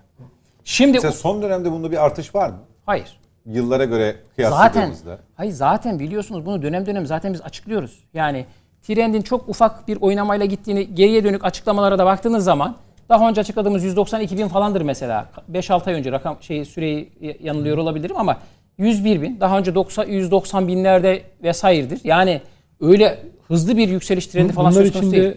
E, ev alıp e, vatandaşlık alanlar dahil mi? Değil. Az önce dedim ya biraz sonra rakamı vereceğiz 20 küsür bin diye. Arada arkadaşlarım bana ulaştırırsa o, o hariç tabii. Şimdi Onu buradaki hı, buradaki e, buradaki e, kritik mesele Suriyelilere ne sağladığımızdan kaldık ya Mete Bey'in sorusunu tamamlamış olalım. Biz bunlara bir defa güvenli bir ortam sağlıyoruz. Bu güvenli ortamı sağladıktan sonra belli kamu hizmetlerine erişimi sağlıyoruz. Nedir? Sağlığa erişimi sağlıyoruz. Çocuğunu işte okutabilmesine imkan veriyoruz. Ama kısıtlarımız da var. Ne var kısıtlarımız? Mesela bu e, bu kısıtlarımız belli yerde ikamete zorunlu tutuyoruz mesela. Diyoruz ki sen şu ilde duracaksın. Başka yere gitmek için benden seyahat belgesi alacaksın. Anlatabiliyor muyum? Yani bu bütünüyle bir özgür özgür olarak ülkede dolaşması anlamına da gelmiyor. Şimdi e, bölüm bitmeden geldiği oldu. Konuttan vatandaş olan yabancı sayısı da 21.667. Ben 20 küsür demiştim. 21.667. Yani gördüğünüz gibi burada böyle devasa rakamlar falan söz konusu Süre değil. ne kadar? Burada Bu mi- açıklamanın yapıldığı tarihten sonradır. Onu da arkadaşlarım ulaştırırsa. milliyetine göre dağılım var mı bunların içinde? Var tabii ki vardır bunlar. Onları, Ama yani bu şeydir. Ya çok çok renkli bir şey çıkar buradan. evet. liste o, çıkar. o da güzel Tabii, bir tabii. güzel renkli bir Tabii, haber tabii. olur yani. Evet. Peki. Ee, Şeyi söyleyecektiniz. E, Türkiye'yi Türkiye'nin bütçesine bu işin maliyetine yani çünkü şöyle bir rakam var mesela 80 milyar dolar deniyor. İşte bu e- eğer böyle bir para harcanmasaydı Türkiye'de geçen gün bir siyasetçi yine şu kadar baraj yapılırdı, bu kadar yol yapılırdı, şu kadar zannediyorum Kılıçdaroğlu söylemişti kürsüden. E, bu parayla şunlar şunlar şu ihtiyaçlar giderildi dendi. Ben de gerçekten merak ediyorum. E, 80 milyar dolar e, para harcandı mı? Veya ne kadar Şimdi harcandı? şimdi bu şimdi şimdi bu ülkenin e, sonuçta bir bütçesi var biliyorsunuz. Evet. E, bu bütçenin e, meclis adına Sayıştay'da denetimini yapıyor. Evet. E, bunlar sonuçta söylediğiniz isimler, bazı bazı siyasi partiler, partilerin liderleri de dahil bu işlerin nasıl olduğunu bilen insanlar. Bunun bu paraların nasıl harcandığını bu e, bütçe kalemlerinden çıkartmalar lazım. Bu, bu çok yanlış şeyler. O zaman bunlar. biz vatandaşlarımıza Şimdi şöyle efendim. söyleyelim. Şimdi temelde tabii bu e, e, bir bir maliyet hesabı aslında bu. Yani e, ya da Yani şöyle şöyle, şöyle, yani ifade, mesela- şöyle ifade edelim. E, Barınma için, işte sağlık harcamaları için, ne bileyim e, okul eğitim masrafları diye bizim Şimdi bu bu rakamlar bu, bu rakamları tek tek hesaplamak lazım ama bu bu şöyle bir şey. Yani geçmişte Sayın Cumhurbaşkanımızın da ifade ettiği rakamlar var biliyorsunuz söylediği.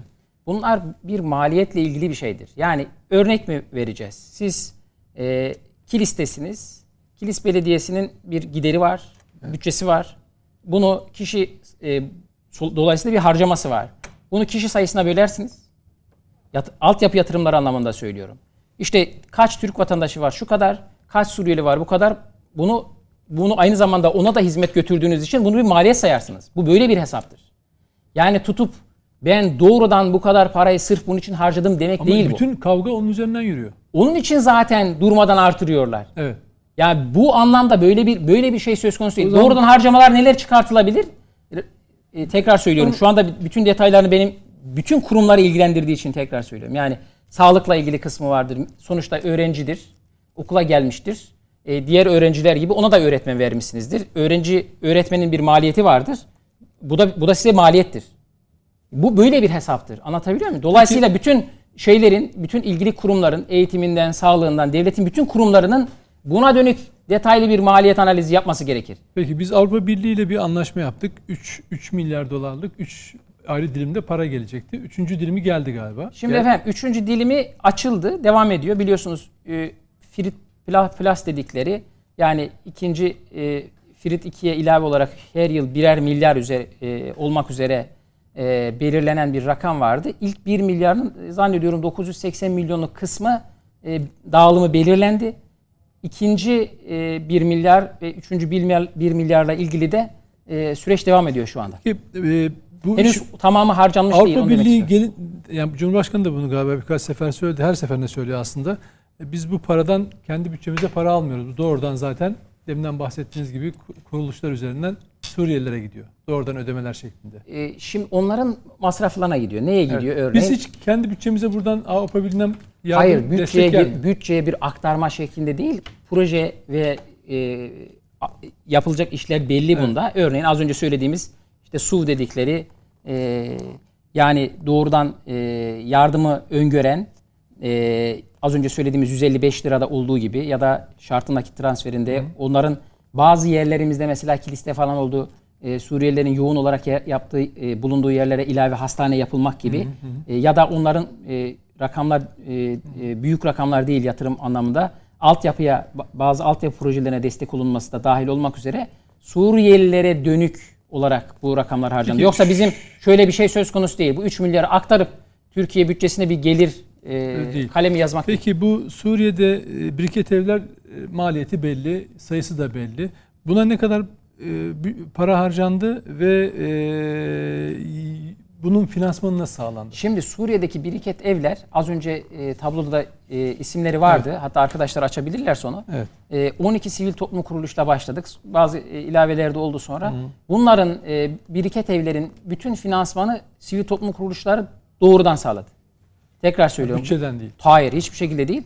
Ha şunu da söyleyelim başlangıçta tabii maliyetleri değişti. İlk başladığımızda yaklaşık 3000 liralardı biriket evler.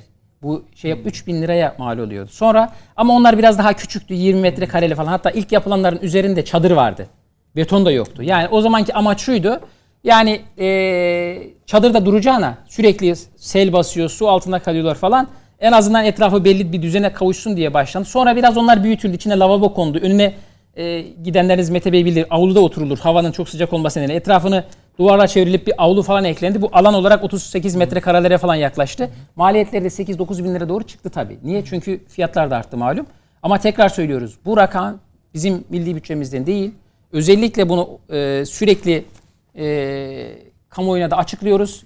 Bir aradayız, İdlib'in yanındayız diye bir kampanya başlatmıştık. Bu kampanya çerçevesinde sivil toplum kuruluşlarımızın finansmanıyla yapıldı. Hiçbir şekilde milli bütçeden buraya bir kaynak Bir şey aktarılmadı. daha söyleyeyim. Şimdi Cumhurbaşkanı bugün konuşmasında bu alanlardaki güvenlik e, ihlallerinden bahsetti ve bunun bir operasyona konu olacağını e, hazırlıklar tamamlandığı zaman söyledi.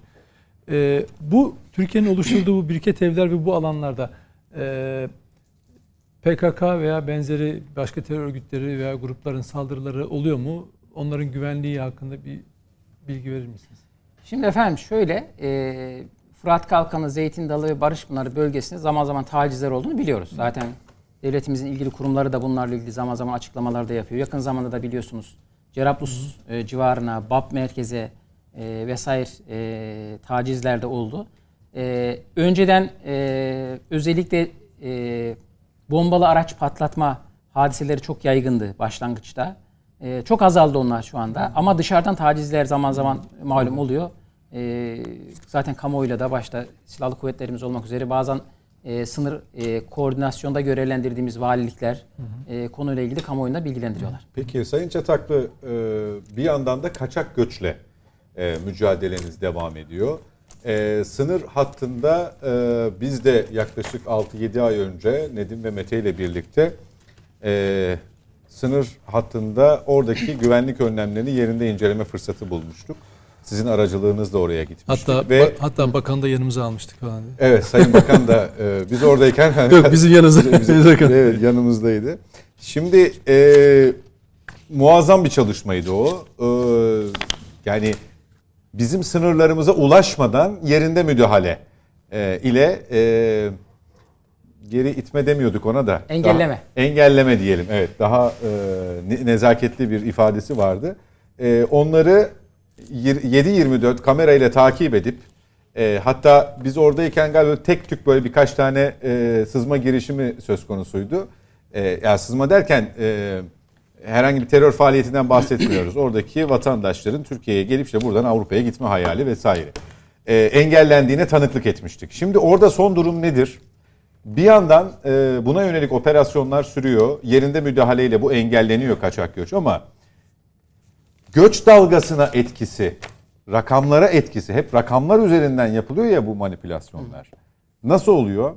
E, oradaki e, tedbirler arttıkça, e, orada işte teknolojinin de e, çeşitli imkanlarından faydalanıyorsunuz. Bu girişim azalıyor mu? Bu istatistiklere yansıyor mu? Şimdi e, şu ge- gönüllü geri dönüşle ilgili birkaç şey söyleyip buna cevap vereyim. O tekrar dönmüş olmayalım yani.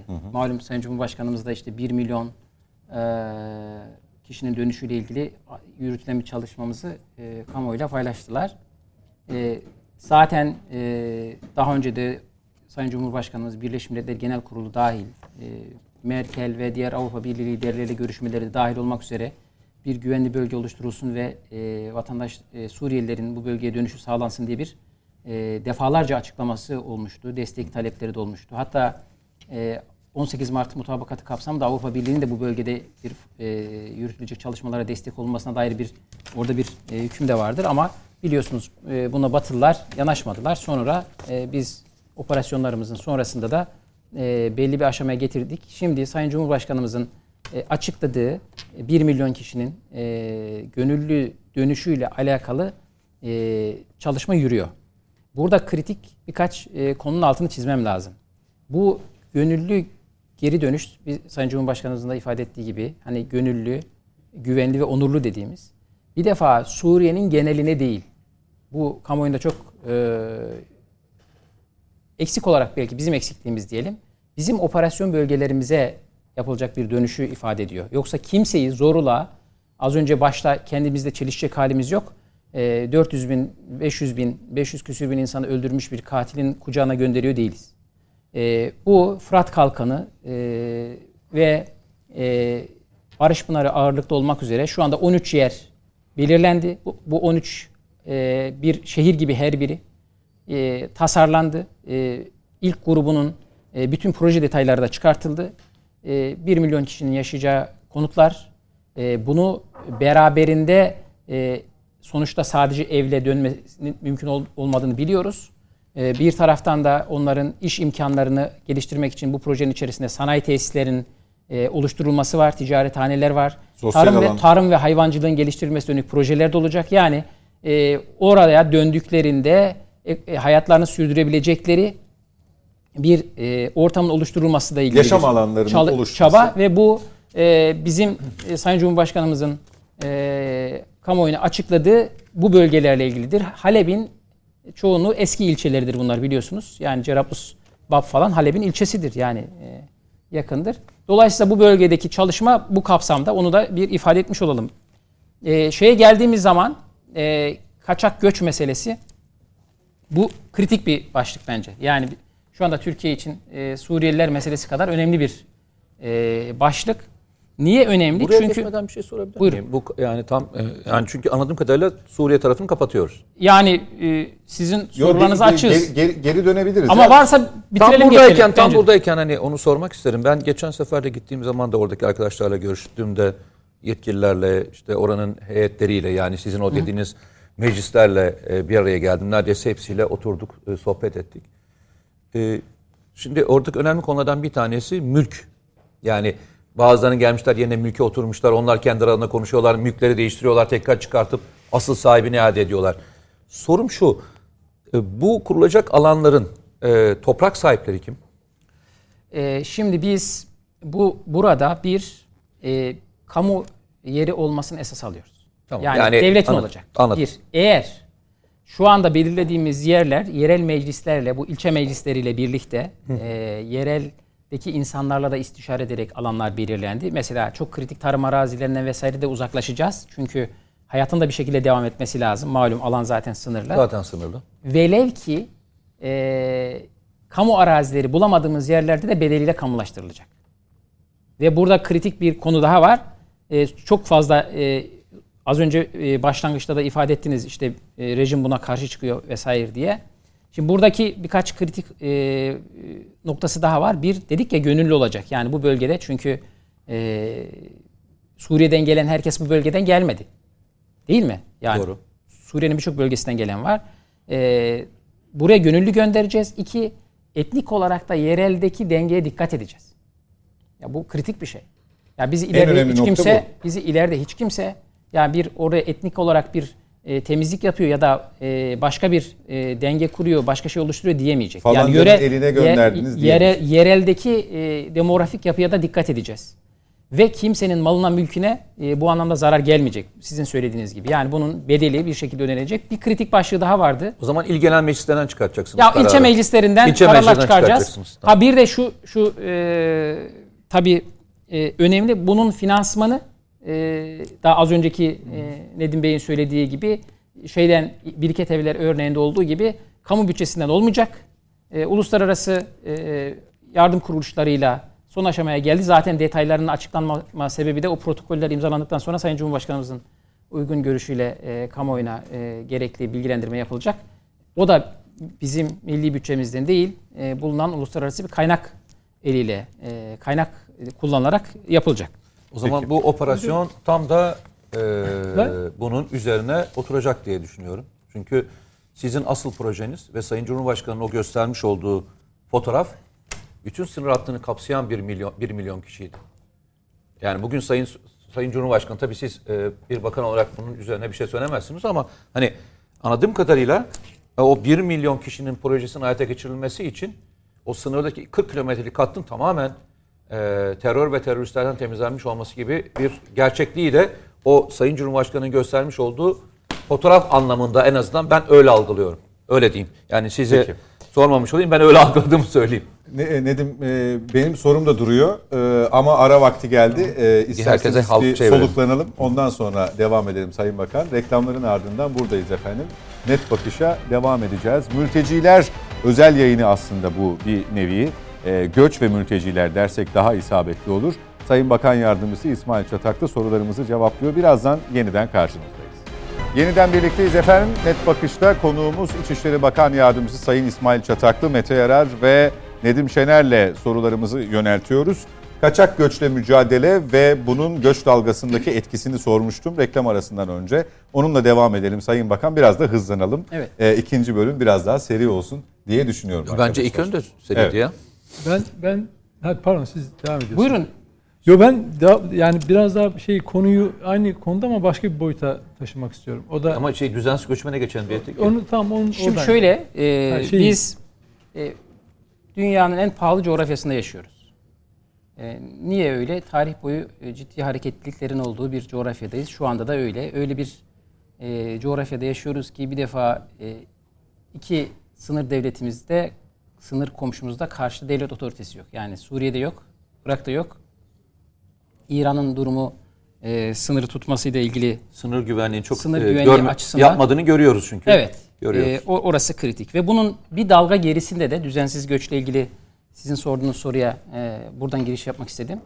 E, işte Afganistan var. E, biraz daha uzaklara gittiğimiz zaman işte ta Myanmar'a kadar uzanan Bangladeş e, hattında e, sorunlu alanlar var. Dolayısıyla e, bu çerçeveden baktığımız zaman ülkemiz e, düzensiz göç açısından bir kısmının gelip kalmak istediği, bir kısmının da aslında e, geçiş Avrupa'ya e, geçmek için e, geçiş ülkesi olarak kullandığı bir ülke. Dolayısıyla e, bu anlamda bizim e, düzensiz göçle ilgili stratejimiz mühim.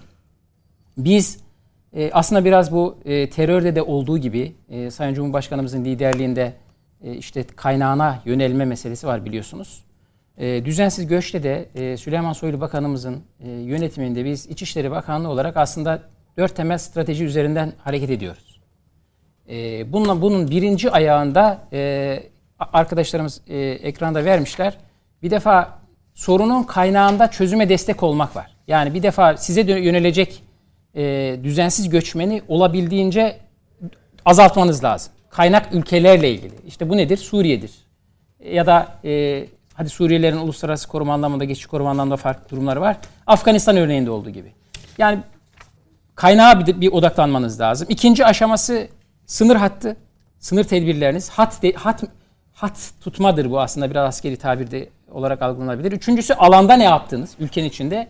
Sonra bir de bunu geri gönderme ayağı var. Yani dört temel e, strateji var. Biz e, takip edenler bilir Sayın Bakanımız İçişleri Bakanı olduğu halde işte Pakistan'a defalarca gitmişliği vardı günübirlik.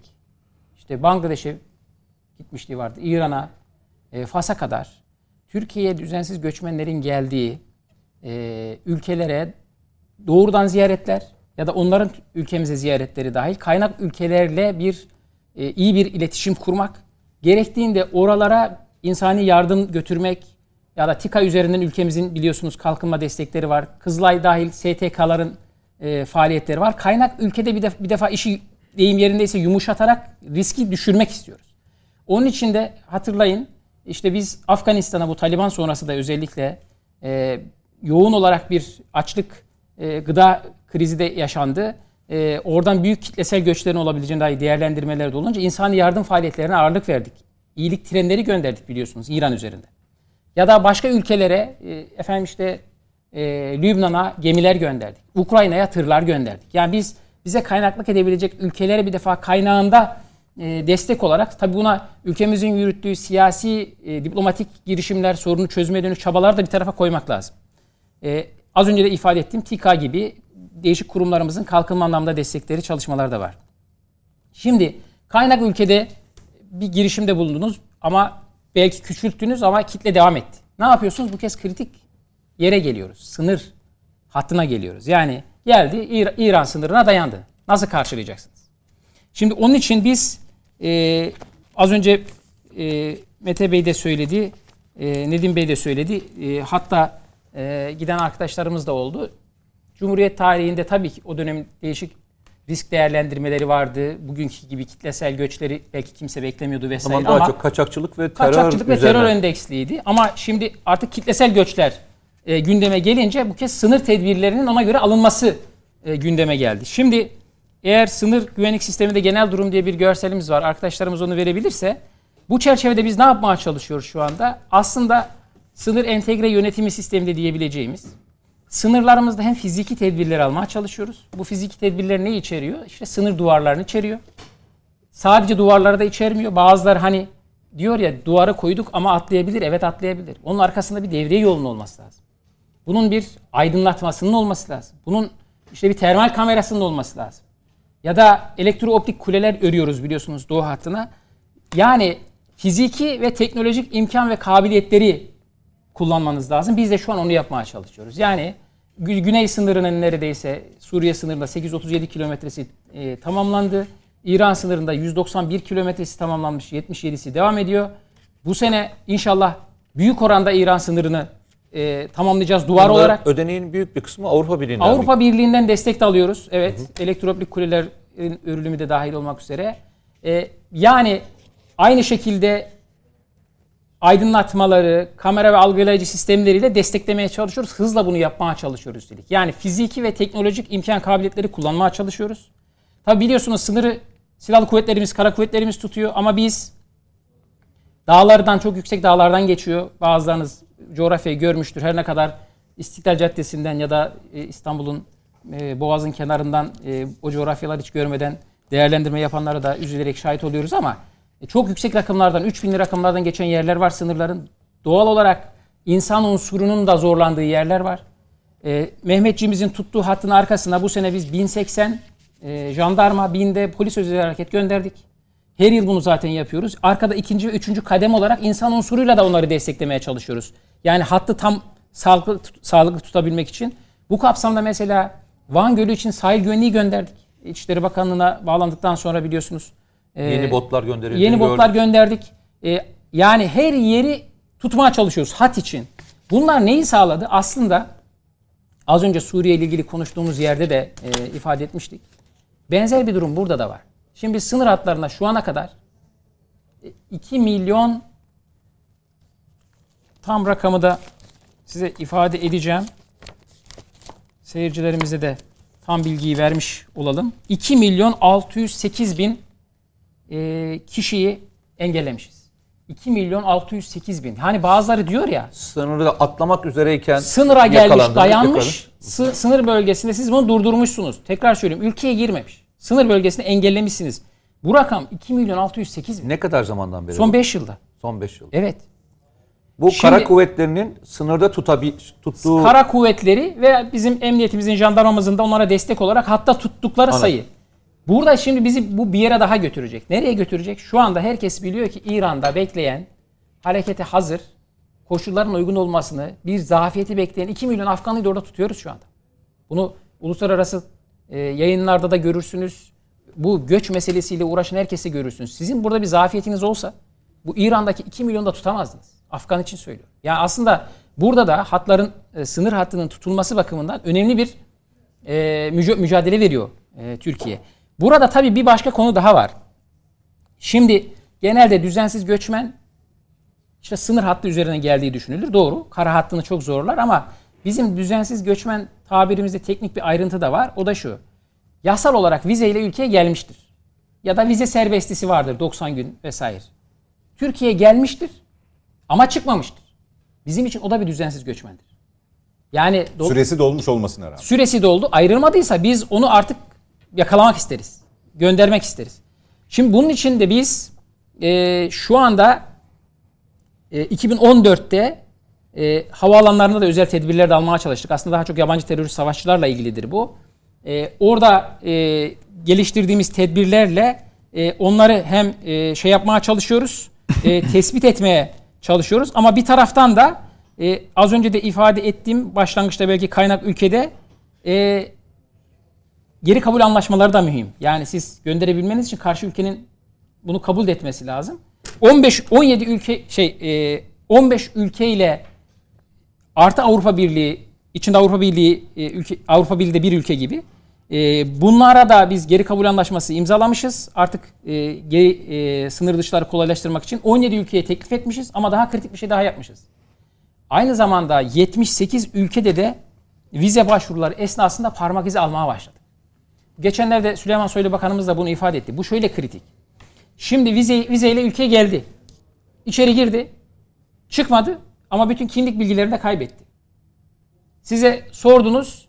Sorduğunuz zaman diyor ki mesela işte ben Suriyeliyim. Geri- geri gönderilmeyecek bir ülkeyi diyor. söylüyor. Ya da güvenlik gerekçesi geri gönderemeyeceğiniz bir ülkeyi söylüyor. Ya Fas'tan geldi ama size Filistinliyim diyor mesela. Filistinliyim diyor. Filistinliyim diyor mesela. Dolayısıyla bu parmak izi meselesi sınır hatları dışında diğer düzensiz e, düzen olarak gelip düzensize düşecek ülkeler için hayat önemli. Bu parmak izi alınmaya başlaması bizim açımızdan çok kritik bir iştir. Bu yıl e, 78 ulaştık yoğun bir şekilde. Yine bu arada e, şunu da ifade edelim biliyorsunuz parmak izi, alımını da millileştirdik biz. Artık dünyadaki sayılı ülkeler arasına girdik. Kendi parmak izi sistemimizi e, geliştirdi arkadaşlarımız. E, Türk e, Biyoteksan firmamız Polsan ve Havelsan'ın e, birlikte oluşturduğu. İlk de göç idaresinde e, bu sisteme geçtik. Diğer kurumlarımızda kademeli geçti.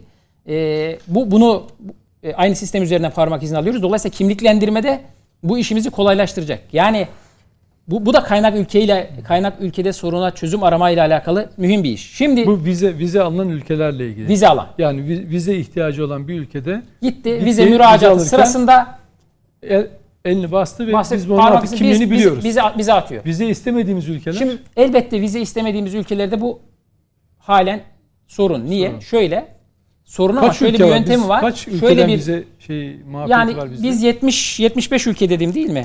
Ee, 78 ülkeyle biz parmak izini almışız. evet. Yani rakamı tam hatırlamıyorum. Arkadaşlar ula- ulaştırırsa kaç ülkede vize serbestisi var? Epeyce fazla. 90'larda olması Civarında lazım emin olması, değilim. evet. 90 civarında diye hatırlıyorum. Tabii şimdi bunlar biliyorsunuz e, zaten risk değerlendirmeleri yapılarak vize politikası belirleniyor. Yani büyük oranda e, düzensiz göçmen geleceği, geldiğinde dönmeyeceği değerlendiren ülkelere zaten vize politikanızı değiştiriyorsunuz. O e, Dışişleri Bakanlığı'yla, İçişleri Bakanlığı'nın müşterek değerlendirmeleriyle bir risk oluştuğu zaman hemen e, o riski bertaraf ediyorsunuz, değiştiriyoruz. Yani orada ciddi bir risk kalmıyor. Asıl bizim vize e, serbestisi vize ile aldığımız zaten vizeyi dönmeme riski var diye vize alıyorsunuz. Onların geri dönüşünü sağlamak. Sorunun kaynağı burada. Onu ifade etmek istiyorum. Öbür türlü e, düşünsenize 40-50 milyonlar bulduğu yıllar oldu geçmişte e, turist sayısında. Herkese bu muamele yapmaya kalktığınız anda e, turizm anlamında nereye gideceğimiz de e, önemli.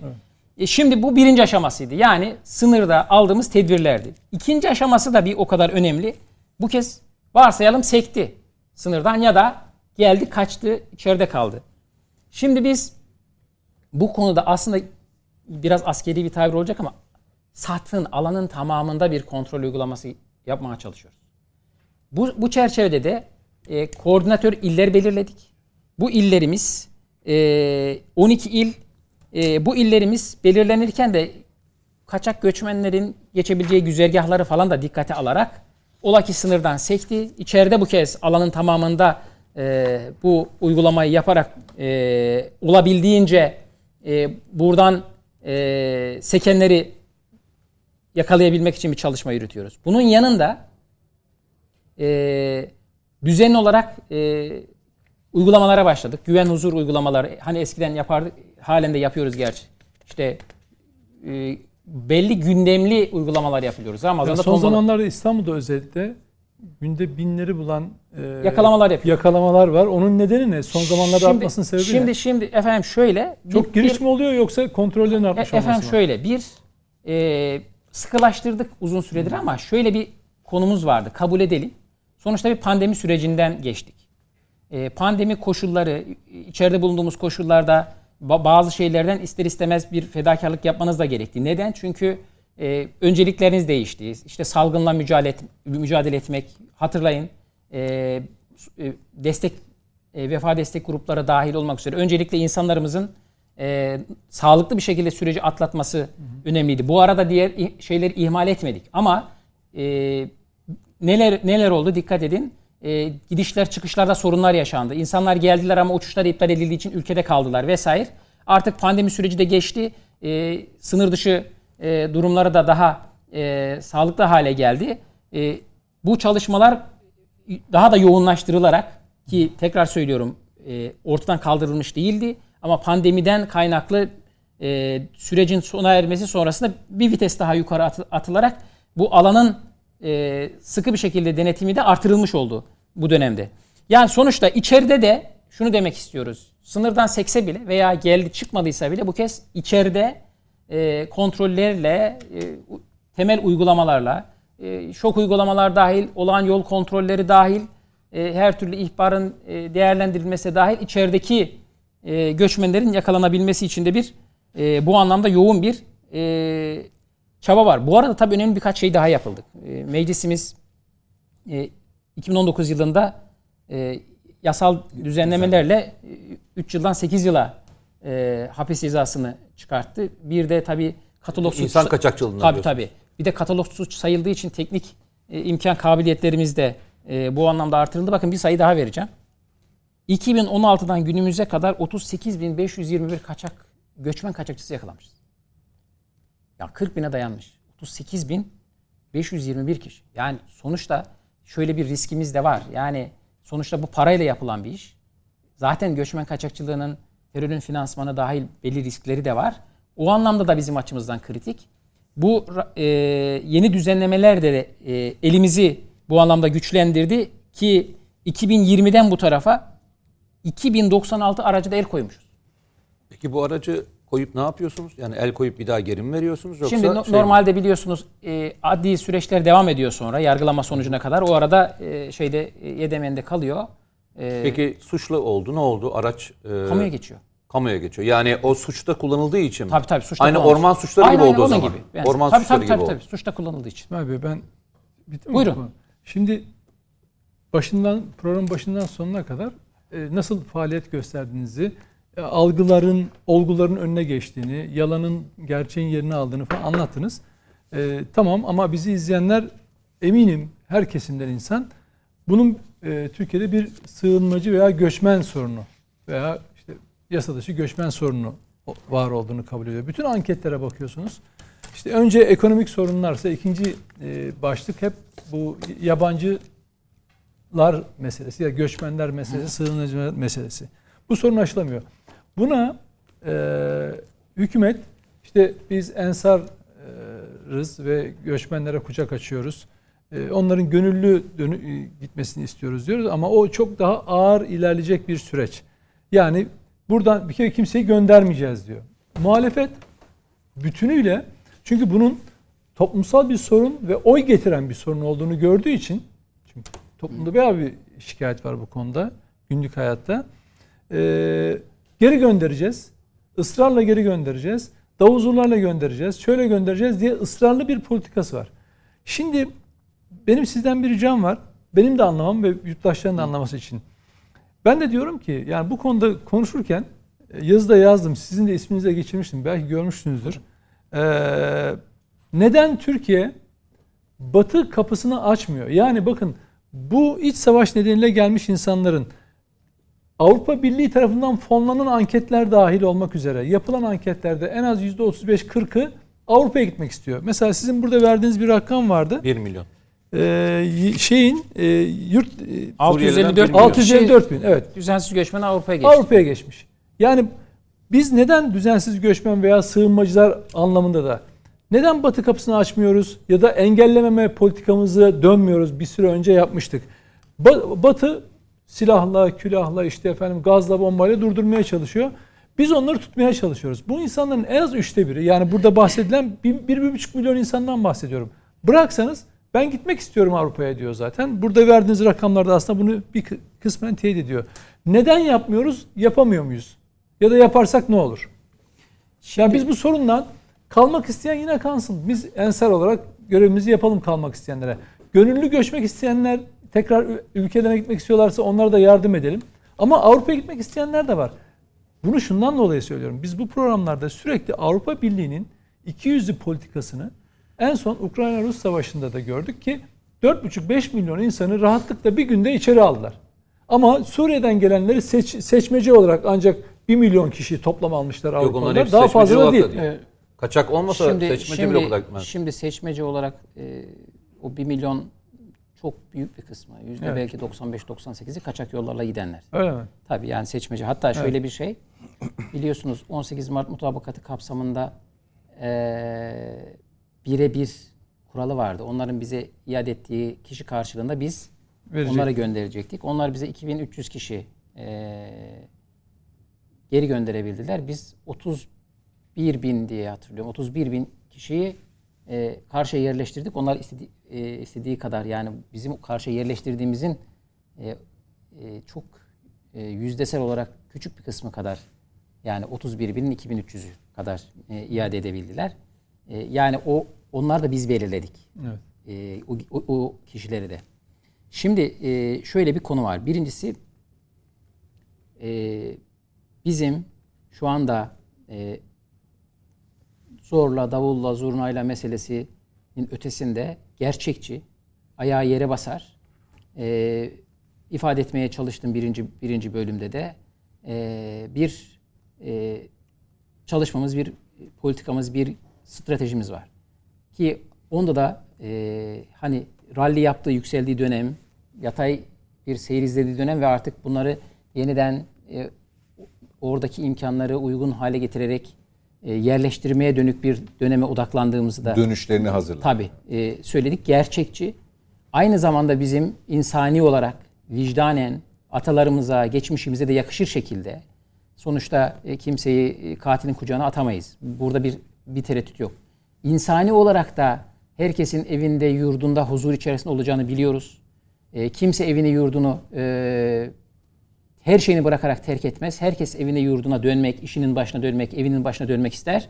Bunların kendi ocaklarına, yuvalarına dönmeleri için çalışmak, gayret etmek insani de bir şeydir zaten. Ya olması gereken de bir şeydir. Onu ifade etmeye çalışıyorum ama tabii ki onların oradan çıkış sebeplerini ortadan kaldırmadan, onu göz ardı etmeden bunu yapma, e, yapmaya kalkarsanız başka problemlere yol açarsınız. Onu demek istiyorum. Yani başa dönmüş oluruz. Gelelim batıya geçişlerle ilgili kısma.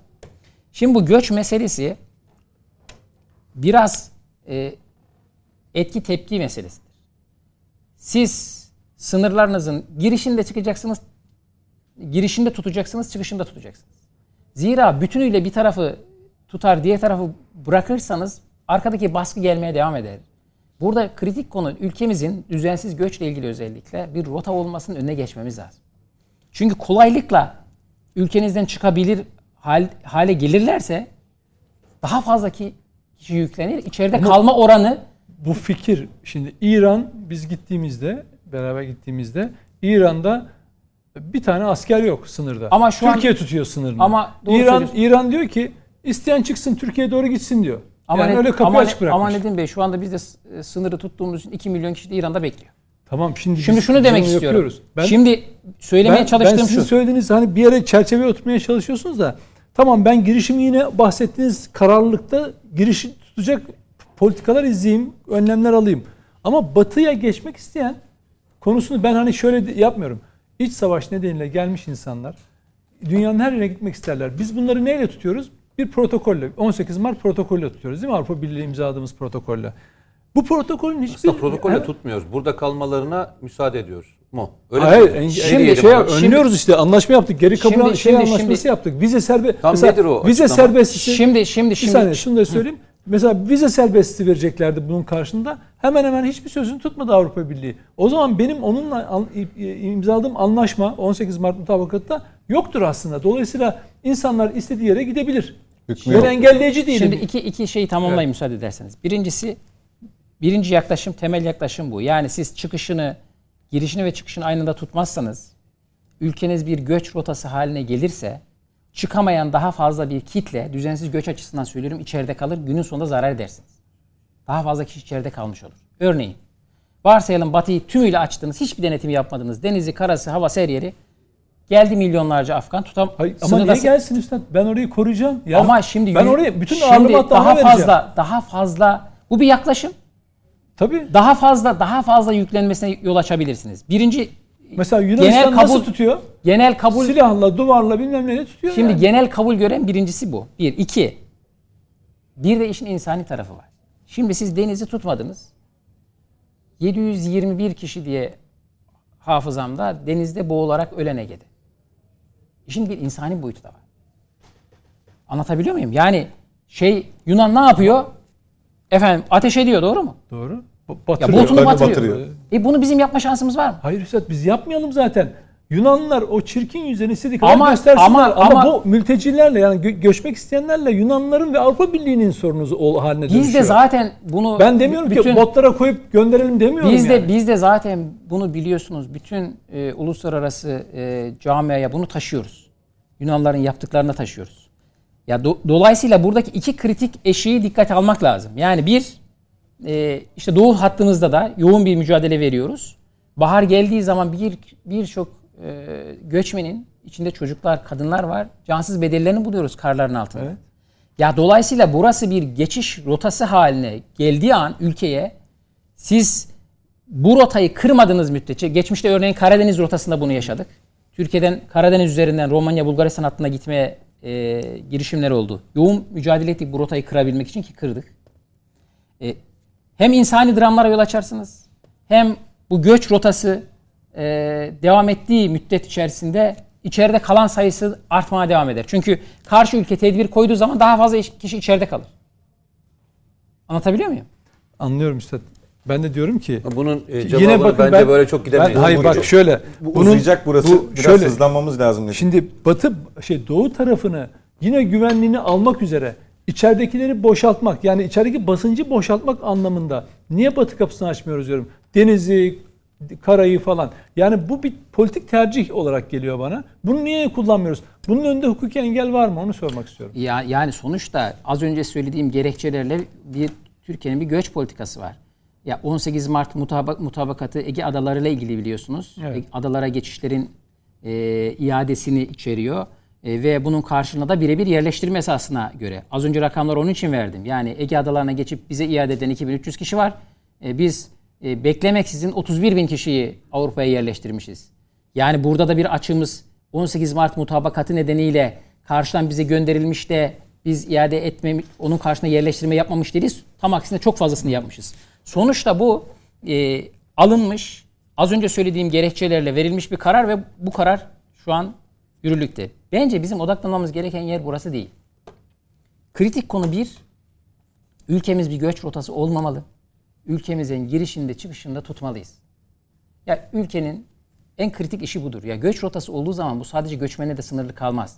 Siz bir tarafı bütünüyle açarsanız başka başka şeyler de girmeye başlar. Daha çok zorlanırsınız Zaten girişte. içeri sokmanızla ilgili bir sıkıntımız yok. Orada orayı tutun zaten. Orayla itira itirazımız yok. Yanlış söylemiyorum. Tabii canım. mi? Ben içeridekini diyor. boşaltmaktan bahsediyorum e, siz yani. tutun. Kalanlar gitsin. Ha, E, tabii, onu yani buradaki teşvik etme anlamında siz bunu tabii Evet. Bir, Neyse, bu e, bir bakan olarak bunun tercih. cevabını çok Evet. fazla daha fazlasını götüremeyeceğinizin farkındayım ben.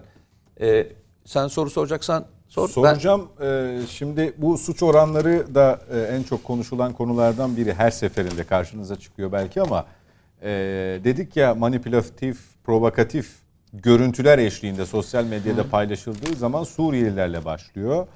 Ee, orada böyle bir pik noktası var. Oraya geliyor sonra Pakistan, Afganistan, Filipinli dahil her diğer yabancı ülkemizde bulunan yabancılara dönüyor. Ee, orası da tamamlandığında suç oranı, suça karışma oranıyla ilgili e, görseller, görüntüler eşliğinde çoğu da gerçeği yansıtmayan görüntüler eşliğinde paylaşılıyor ve çoğalıyor. Ee, o konudaki son rakamlar nedir?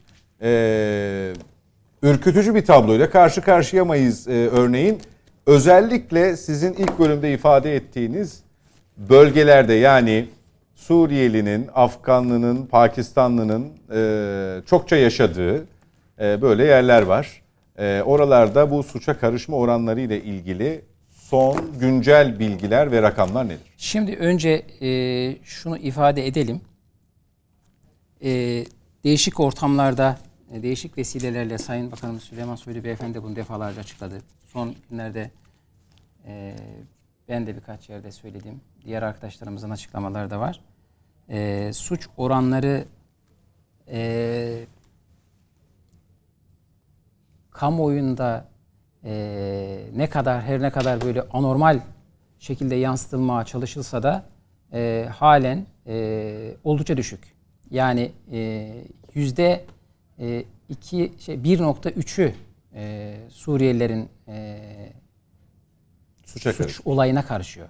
Suç olayı derken kendisinin fail olması gerekmiyor yani. Olay olarak suçun tarafı oluyor. Kendi aralarındaki bazı hadiseleri de dahil biliyorsunuz. Onlar da e, evlilik yaşının farklılığından kendi e, e, ülkelerindeki farklılıktan kaynaklı olan bizim açımızdan e, sıkıntı olan durumlardakiler de dahil olmak üzere e, 1.3 e, Türkiye'de ortalama 2.1 e, dolayısıyla e, oldukça düşük. Bunun iki sebebi var.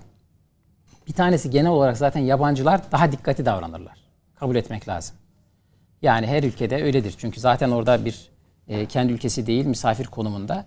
İkincisi aslında biz e, bence gündemden e, hep kaçırılan çok iyi bir uyum stratejimiz var. Yani Türkiye'de kaldıkları müddet içerisinde e, bizim kurallarımıza uymaları e, ve hem onların kendi huzurları için hem e, kendi vatandaşlarımızın rahatsız olmamaları için yürüttüğümüz temel bir stratejimiz var. İyi bir e, iletişimimiz var. Özellikle kanaat önderleri ve sivil toplum kuruluşlarıyla. İl ve ilçelerde düzenli görüşmeler, toplantılar yaparız. Bizim uyum iletişim diye bir yeni genel müdürlüğümüz var. Bunun içerisinde sivil toplum ilişkileri dairesinden tutun da e, Türk ve akraba topluluklarını bir tarafa koyuyorum. O zaten özellikle e, bir muamele gör, gösterdiğimiz bir alan.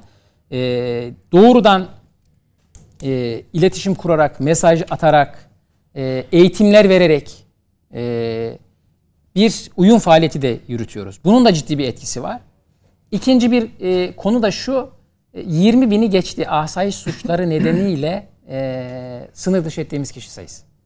Yani adli işlemleri de bittikten sonra belli e, suçlarda yani buna işte yüz kızartıcı suçlar dahil e, zaten bir acımamız yok. Ya tutup bunu sınır dışı etmişiz. 20 bini geçmişiz bakın. Şimdi bu niye önemli? Suç elbette olmaması herkesin hedefidir. Ama olur mu? Olabilir. Burada neye bakacağız? Bir, bunun için gerekli tedbirleri aldık mı?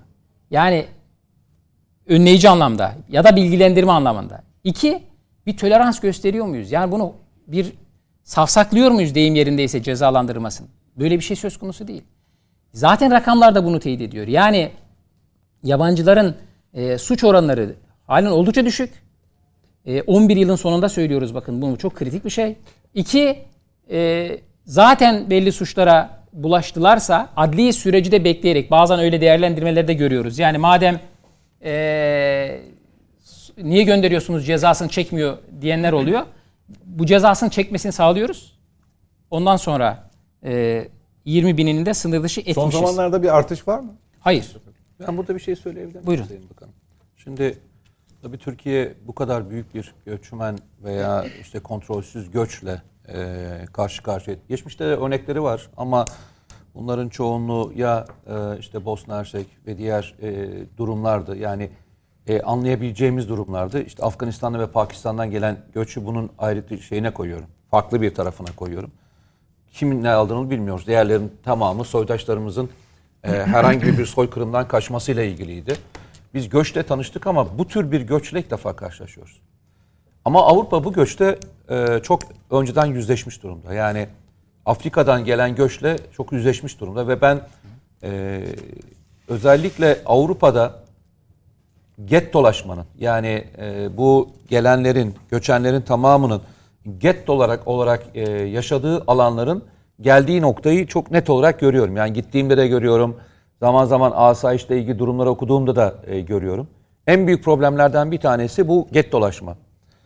Ee, bizde de sayı yükseldiği için zaman zaman toplumunun da çok önüne gelen e, konulardan bir tanesi bu. Yani işte bir mahallenin içerisinde bir Afgan grupla bir Suriyeli grubun e, kavga kavga etmesi veya bir Afganistanlı grupla bir Pakistanlı grubun birbirine kavga ettiği görüntüler. İsterseniz bu Adana'da olabilir, isterseniz İstanbul'da olabilir, isterseniz Antep'te olabilir, isterseniz Hatay'da olabilir. Görüntüler önümüze geliyor. Şimdi bu tip görüntüleri e, engellemek için Avrupa örneği de gözümüzün önünde olduğu için söylüyorum. Çünkü bir müddet sonra gettolarda kendi mafyalar oluşmaya başlıyor. Bu Afri- Avrupa için de geçerli. Yani kendi raporlarında da geçiyor bu şekilde. Daha sonra suça teşvik eden ve suçu bunları suça teşvik etmekle ilgili e, gruplar oluşmaya başlıyor. Bu gettolaşmanın e, önüne geçmek için ne yapıyorsunuz? Yani e, maalesef e, işte bazı ilçelerimizde e, nüfusun daha fazlası e, yurt dışından gelen e, kişiler tarafından oluşturulmuş durumda. Bununla ilgili tedbirler nelerdir? Ne oluyor? Avrupa örneğini inceledik mi? Buradan dersler çıkartabildik mi? E, bunu sormak istiyorum. Bir de bir itirazım var. Küçük bir itiraz bu Sayın Bakan. Ee, buradaki rakamlar verilirken zaman zaman şöyle bir rakamla karşılaştırılıyor. Türkçe'de Türkiye'deki rakam örnek veriyorum suçla ilgili Türk vatandaşlarının yüzde 3.2 ise işte e, Suriye'den gelenlerin 1.3. Ama şöyle bir durum var. Türkiye'de herkes e, mahkemeye başvuruyor. Yani e, yanlış anlamayın. Ben hakaret davası da açıyorum. Ben işte ne diyeyim aile içi kavga da açıyorum. Ve bir şekilde e, bu suç kayıtlarına oluşturmaya başlıyor. Ama biliyoruz ki demin söylediniz. Aile içi yaşanan, birbirleriyle ilgili yaşanan olayları çoğunlukla mahkemeye belirtmedikleri için bu suç oranı çok da net değil. Bu suç oranının %1.3'ünün ne olduğu benim için çok önemli. %1.3'ünde ne kadar adam öldürme, ne kadar gasp, ne kadar işte sizin ne diyorsunuz o tür suçlara? Adi suç. E, a- a- ağır suçlar mı diyorsunuz? Ne kadar ağır suç? Yani bu rakamı soracağım. Çünkü öbür karşılaştırma açıkçası şöyle bir şey de yaratıyor. Ben çok da yani o karşılaştırmadan hoşnut da değilim. Sanki biz Türk milleti olarak daha suça meyilli. E, hani yanlış anlamayın için söylemiyorum. E, işte Suriye'den gelenler daha e, sakin insanlarmış gibi bir izlenim yaratılıyor. Çok da doğru değil bu. E, onu Şimdi- söylemek için şimdi söyledim. Burada, isterseniz e, buradan sa- başlayalım. Nüfus farkı da var. Yok Yok, o yüzdesel olana bak. O Bu yüzdesel yüzdesel o. değişmez. Yüzdesel. Peki. Değişmez o. Şimdi şimdi Mete Bey şöyle bir şey. Bu aslında e, bir bir şeyin hakkını teslim edelim. E, yabancılar daha dikkatli olur bir ülkede. Ya bu belli Özellikle bir şikayet etmezler. Şimdi Dikkatli kendi ötesine kendi şikayet etmezler. kendi aralarında veya onların mağdur olduklarında bu dediğiniz doğru olabilir. Yani iki Suriyeli varsayalım kavga etti. Şikayet etmemiş olabilir mi? Teknik olarak mümkün. Ama biri Türk, biri Suriyeli ise Türk büyük ihtimal ya %99 bence şikayet eder. Ya dolayısıyla bu bu dediğiniz değerlendirme kendi aralarındaki bazı suçlarda belki söz konusu olabilir. Ama oran öpeyce büyük. Bu bizim insanlarımızın çok suç işlediği anlamında değil. Ben özellikle dikkat ediyorsanız iki şey söyledim. Bir, Yok ben Yabancılar- söylemiyorum. Zaman zaman bu tekrarlanıyor diye söylüyorum. yab- yabancılar zaten dikkat etmeye çalışıyorlar. Biz bazı tedbirler almaya çalışıyoruz. İki büyük yaptırımlar var. Yani şu demek. Zaten adli tahkikatı görüyor ama ilave olarak sınır dışı ediliyor. ediliyor. Şimdi get dolaşma konusu önemli bir konu. Bu yıl aslında birkaç eee, bununla ilgili çalışma da biliyorsunuz yürütüldü. Şimdi biz get dolaşmayla mücadele kapsamında ne yapıyoruz şu anda? Bilgilendirme dışında yani e, verdiğimiz eğitimler vesaire dışında özellikle şöyle bir e, yöntem izliyoruz. E, nüfusun yüzde 25'ini yabancıların geçtiği mahalleleri kapatmaya başladık. Ki 781 mahalle şu anda. Yani yabancı oranı nüfusun yüzde 25'ine vardığı an artık orayı kapatıyoruz. Yine belli illeri e, buna İstanbul vesaire de dahil şeyi kapattık. E, geçici koruma altındaki Suriyelilerin e, ikametine kapattık. Bakın sonra ne oldu? Şu anda elimde e, ki rakamı sizinle paylaşayım. Şimdi mesela İstanbul ilinin tamamını 2019'da kapatmıştık. Fatih'te yabancı sayısı bu düzenlemelerden sonra 74 binden 50 bine indi. İstanbul Fatih'te. En yoğun gündemde olan yerlerden bir tanesi Esenyurt'ta 145 binden 135 bine indi. 10 bin azalma da orada olmuş. Şu anda biz temel olarak bir kapatma yani yeni kayda kapatma yoluna gittik. Bu neyi sağlayacak? Şunu sağlayacak. Ev, evini değiştirip bir defa yeni kayda almıyorsunuz. Başka yerden oraya gelemeyecek. Oradakiler de ne yapacak? E, yarın evini değiştirmesi gerekti örneğin. Artık o mahallenin dışına ya da kapattığımız ilçeler ya da iller, iller varsa dışına gitmek zorunda kalacak. Şimdi burada e, yeni ille, ye, il kapatmalarda yalnız şöyle bir fark var. Yeni, ili yeni kayıtlara komple kapatıyoruz. O ilin içindekiler yer değiştirebiliyor. Ama mahalle kapattığımız zaman yer değiştirirken o mahallenin dışına çıkması gerekiyor. Yani Fatih'teki bir mahalleyi kapattıysak e, ev kiraladı değiştireceği zaman başka bir e, mahalleye gitmesi gerekecek. Sadece kapatmayla da kalmadık. İlave özellikle biliyorsunuz e, metruk binalar çok konut olarak kullanılmaması gereken yerler vesaire. E, bu alanları da e, hem yıkım e, metruk binaların yıkımını teşvik etmeye çalışıyoruz. E, hem de e, takip ediyoruz hatta e, teşviğin ötesinde. E, diğer alanlarda ciddi kontrolleri yaparak alana bu gettolaşma anlamında e, yoğunlukların düşürülmeye çalışıyoruz. Ha burada şöyle bir şey de var. E, bazı yerleşim yerleriyle de alakalı yabancı sayısıyla ilgili az önce başta söylediğimiz total sayıda olduğu gibi çok e, afaki rakamlar verildiğini biliyoruz. İşte en e, ilginç ya da uç örneklerinden bir tanesi Kilis'tir Kilis, biliyorsunuz. sizin valilik Benim yaptığınız. valilik yaptığım yer. Hatta bir tanesi de e, yazmış zaten Kilis'ten geldi işte 3 katı 4'te 3'ü %75 anlamında herhalde söylüyordu. Tabii ara Evet. şey söylendi. Türk nüfusun üzerine çıktı ki e, Evet e, evet. Suriye'deki Şimdi bakınız e, Kilis'te bu oran %42 Suriyeli oranı şu anda. nasıl oluyor peki bu kadar uç rakamlar? Şimdi şöyle oluyor. e, yani e, bir uluslararası kuruluş e, tespit yapmış. Örneğin İstanbul'la ilgili. Süleyman Bakanımız da e, gittiğinde bir e, muhtarlar toplantısında e, muhtarlara sormuş işte mahallenizde e, bu tespitler nasıl yapıldı diye. Geliyor anketör e, soruyor kaç kişi var? Tek tek bilme şansınız var mı? Bir rakam söylüyor. Onu veri alıyor. Ya muhtar niye böyle bir rakam söylüyor? Ha gidip gidip gidip ona söylüyor. Bir bilme şansı var mı? Düşünün. İstanbul'da bazı mahalleler örnek diyorum bir örnek sadece. Ya tahmini olarak söylüyor. Ya da biraz bu işler e, yani ek yabancılar ya da normalin dışındaki her alanda bu böyledir. Fazla göze çarpar, fazla dikkat çeker. Doğru mu? Ya dolayısıyla bir, bir, bir, bir tık abartı da var bunun içerisinde. Sonra garip e, rakamlar ortaya çıkıyor.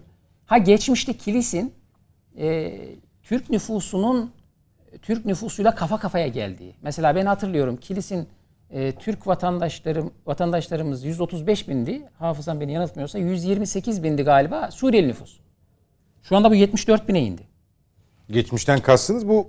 Yani Süreç- 2016'da falan mesela. Ha evet. evet. Şimdi bazı yerlerde ne, ne oldu? Oradan örneğin Suriye'ye geri dönüşler oldu. Ya hep aynı yerde durmadı. Şöyle Antep bir şey ve daha Hatay var. için de aynı durum geçerli mi? O, onlar daha da düşük oranlar. Yani En yüksek Kilis mi mesela? Kilis. O da yüzde 42. %42. e, Gazi Antep'te bu oran 17 mesela. Hatay çok konuşuluyor çünkü. Hatay 20. Şimdi şöyle bir şey var. Şu şöyle bir haklılık payı var. Bu illerimiz yani Hatay, Kilis, Antep özellikle üçü ve e, Urfa sonuçta bu Türkiye'ye gelen Suriyelilerin hepsi bu hattan girdi. Hatta Avrupa'ya giden 1 milyon da bu hattan girdi. Dolayısıyla belli bir dönem bunlar buralarda bir kısım bir üç gün kaldı, bir kısım bir ay kaldı. Belki bu şehirlerde bu yükü kaldırdılar. bu, bu şehirler çok ciddi yük kaldırdı. Bunların hakkını e, teslim etmek lazım. Yani onu bir kenarda e, kenarda muhafaza ediyorum. Ama yani rakamlarda kayıtlar ortada. E, dışarıdaki e, başlangıçta e, yine dönüp dolaşıp aynı yere geliyoruz. Biri bir rakam söylüyor, o öbürü biraz daha artırıyor derken uçuk kaçık e, veriler de ortaya çıkıyor. Burada bir şey soracağım Sayın Bakanım. En çok tartışılan kamuoyunda da Ee, yani bu konu size sizin konunuza tam giriyor mu bilemiyorum ama şimdi vatandaşlık vermekle ilgili konu sizin herhalde tam e, odağında olduğunuz konu. Doğru mu? Şimdi e, Türkiye'de e, kararnamelerle şeyler çıkıyor vatandaşlıkla ilgili. Önce bu 250 bin liraydı. Şimdi 400 bin dolara, şey 250 bin dolardı. 400 bin dolara çıkartıldı. Belli bir tarihten sonra sanırım böyle devam edecek. Peki Avrupa'da olduğu gibi, başka ülkelerde olduğu gibi neden geçişli bir süreç e, yapılmıyor? Yani e, önce oturma izni, yani ev alsa dahi önce oturma izni. Arkadan belli bir süre geçtikten sonra işte Türkçe konuşmasına, e, Türkiye'ye adaptasyonuna, suçuna bakarak daha sonra işte İsviçre'de olduğu gibi örnek veriyorum bunu. B sınıfı vatandaşlık. Yani belli bir süre oy atmama. E, arkasından da bunlara geçtikten sonra işte A sınıfı vatandaşlık dediğimiz vatandaşlığa. Ki bu süreç neredeyse 7-8 yıla 7-8 yıla kadar işte adaptasyonu, uyumu gibi konuları da gündeme getiriliyor.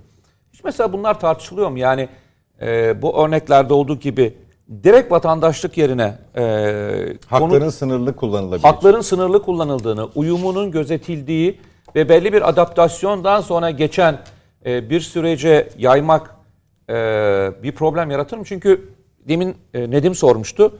Önümüzdeki rakamlardan anladığım kadarıyla bu şekilde konut alarak Türkiye'ye vatandaş olanların miktarı 20 bin 20 bin. civarında. 21.600. 21.600 yani ne Türkiye'yi uçurur ne Türkiye aşağı götürür ama sonuçta şu görüntü yani ben açıkça söyleyeyim ben kendi adıma söyleyeyim. Yani Türk pasaportunun bu kadar e, başka ülkelerde afişe edilerek yani gelin 250 bin dolara e, Türkiye vatandaşlığının bu kadar kolay olmamalı bence bakın bu benim kendi şahsi görüşüm. Çünkü bu ülkenin vatandaşları bunu alabilmek için e, dediniz ya demin çok bedel ödendi bu ülkede. Gerçekten çok bedel ödendi. Bu tartışmaya açık değil mi? Bu her hepimizin beraber oturup konuşabileceği yani bir süreci e, tartışamaz mıyız? Bu bir e, normal yol olamaz mı acaba? Şimdi her düşünce tartışılabilir elbette. Zaten siz de e, aslında söylediğiniz dünyada çok farklı modeller var. Tabii tabii. Bizden çok daha kolay vatandaşlık verenler de var. Doğru. Hatta ülkede hatırlayın şu anda bilirsiniz çevrenizde de vardır. Vize alır gider Amerika'da doğum yapar gelir vatandaş olur. Çok daha uç örnekler. Hiçbir ilave bir şey yapmanıza da gerek yok. Doğru mu? Ya doğum yeri esasını belirleyen ülkeler var. Orada doğduysanız oranın vatandaşısınız. Ama o da e, Trump'tan sonra şunu şu anda şunu- kaldırıldı. Hayır şunu demek istiyorum. Ülkeler kendi tercihlerine göre tercihlerini yaparlar. Bunda ekonomik gerekçeler olur, siyasi gerekçeler olur, e, toplumsal gerekçeler olur. Bu, bu, bunlar tartışılır, değerlendirilir, bir karar verilir. En son bu konutla alakalı konuda böyle bir tercihin tercihtir. Yani elbette olmazsa olmaz değildir. Ama burada üzerine durmamız gereken bence şu. Bu rakam. Az önce nereden geldik buraya? siz İlk soru, ilk şeyleri- soru neydi hatırlayın. 8 milyon 800 bin vatandaş olan 3 milyon 800 bin oy kullanacak Suriye. Suriyeli Suriye. var diyenden geldik. Nereye geldik? 21.600'e geldik konutta. Yani şunu demek istiyorum. Bunlar büyük rakamlar değil. Elbette her düşünceye saygı değerdir. Elbette her düşünce e, muteberdir. Ama sonuçta bir be- belli düşünceleri farklı uygulamalar arasında bir tercihte bulunursunuz. Bu tercihi zaman olur, değiştirirsiniz, ilave edersiniz. Az önce söylediğiniz rakamı değiştirirsiniz. Başka yönteme geçersiniz. Buradaki kritik eşik bence şu. Bu büyük rakamlar değil. Ya buradaki asıl konuştuğumuz konu manipülatif, devasa gösterilmeye çalışılan bir resim yok burada. Anlatabiliyor muyum? Peki. Elbette onun ötesinde tercihler tartışılabilir, saygı değerdir. Peki.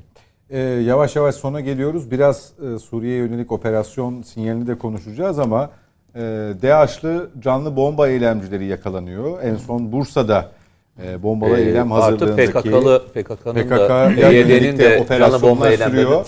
Hızlıca e, bu konu başlığını da konuşup son durumu değerlendirmeyi alalım e, Sayın Çataklı'dan. Daha sonra e, senin bu yeni operasyona ilişkin öngörülerinden de istifade edeceğiz. E, bu eylemler e, Bursa kısmı biraz e, enteresandı. Onun detayları paylaşıldı kamuoyuyla bakanlarınız tarafından ama e, siz neler söyleyeceksiniz? Bu yöndeki operasyonlar da devam ediyor tabii bu arada. Şimdi e, hani başlangıç bölümlerinde de söyledik çok pahalı bir coğrafyada e, yaşıyoruz. Özellikle DAEŞ'la ilgili düşünün sınırımızın yanı başındaki iki ülkeyi e, DAEŞ terör örgütü e, yani Suriye'nin önemli bir kısmıyla Irak'ın önemli bir kısmını işte getirdiler, yerleştirdiler oraya. Kontrol altına neredeyse iki devleti alacaktı. Top atışı, top atışı yapıldığında e, şey toplantıda olan sizdiniz değil mi? Yok benden önceki Bir önceki vali e, miydi? vali beydi. Benim olduğum dönemde de 6 tane roket konutun yakınlarına geldi.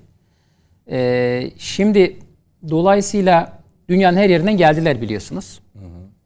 E, biz bu e, yabancı terörist savaşçılar kısmı özellikle DAEŞ anlamında şöyle bir yöntemimiz var. E, birincisi e, ne yapıyoruz? E, ülkemize gelmeden aynı strateji aslında terörde ve göçte olduğu gibi edinebildiğimiz bilgiler çerçevesinde ülkemize girişlerini engellemeye çalışıyoruz. Yani e, tahtitler koyuyoruz. Şu anda bu koyduğumuz tahdit 108 bin. Bir defa ülkemize girmelerini istemiyoruz. İki, velev ki ülkemize girdiler e, ya da daha doğrusu ülkemize geldiler. Bu durumda kapımızda e, engellemeye çalışıyoruz. Yani e, ne yapıyoruz? İşte havaalanlarında e, göç kısmında da söylemiştik.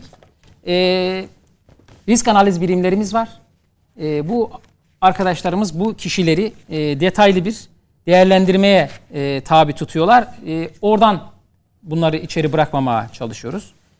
E, Hatta bununla ilgili bir yüz tanıma özel bir evet sistem de evet yapmışsınız. yoğun bir yoğun bir bu anlamda e, şeyimiz de var. E, çalışmamız da var. Şimdi 108.214 kişiye tahdit koymuşuz.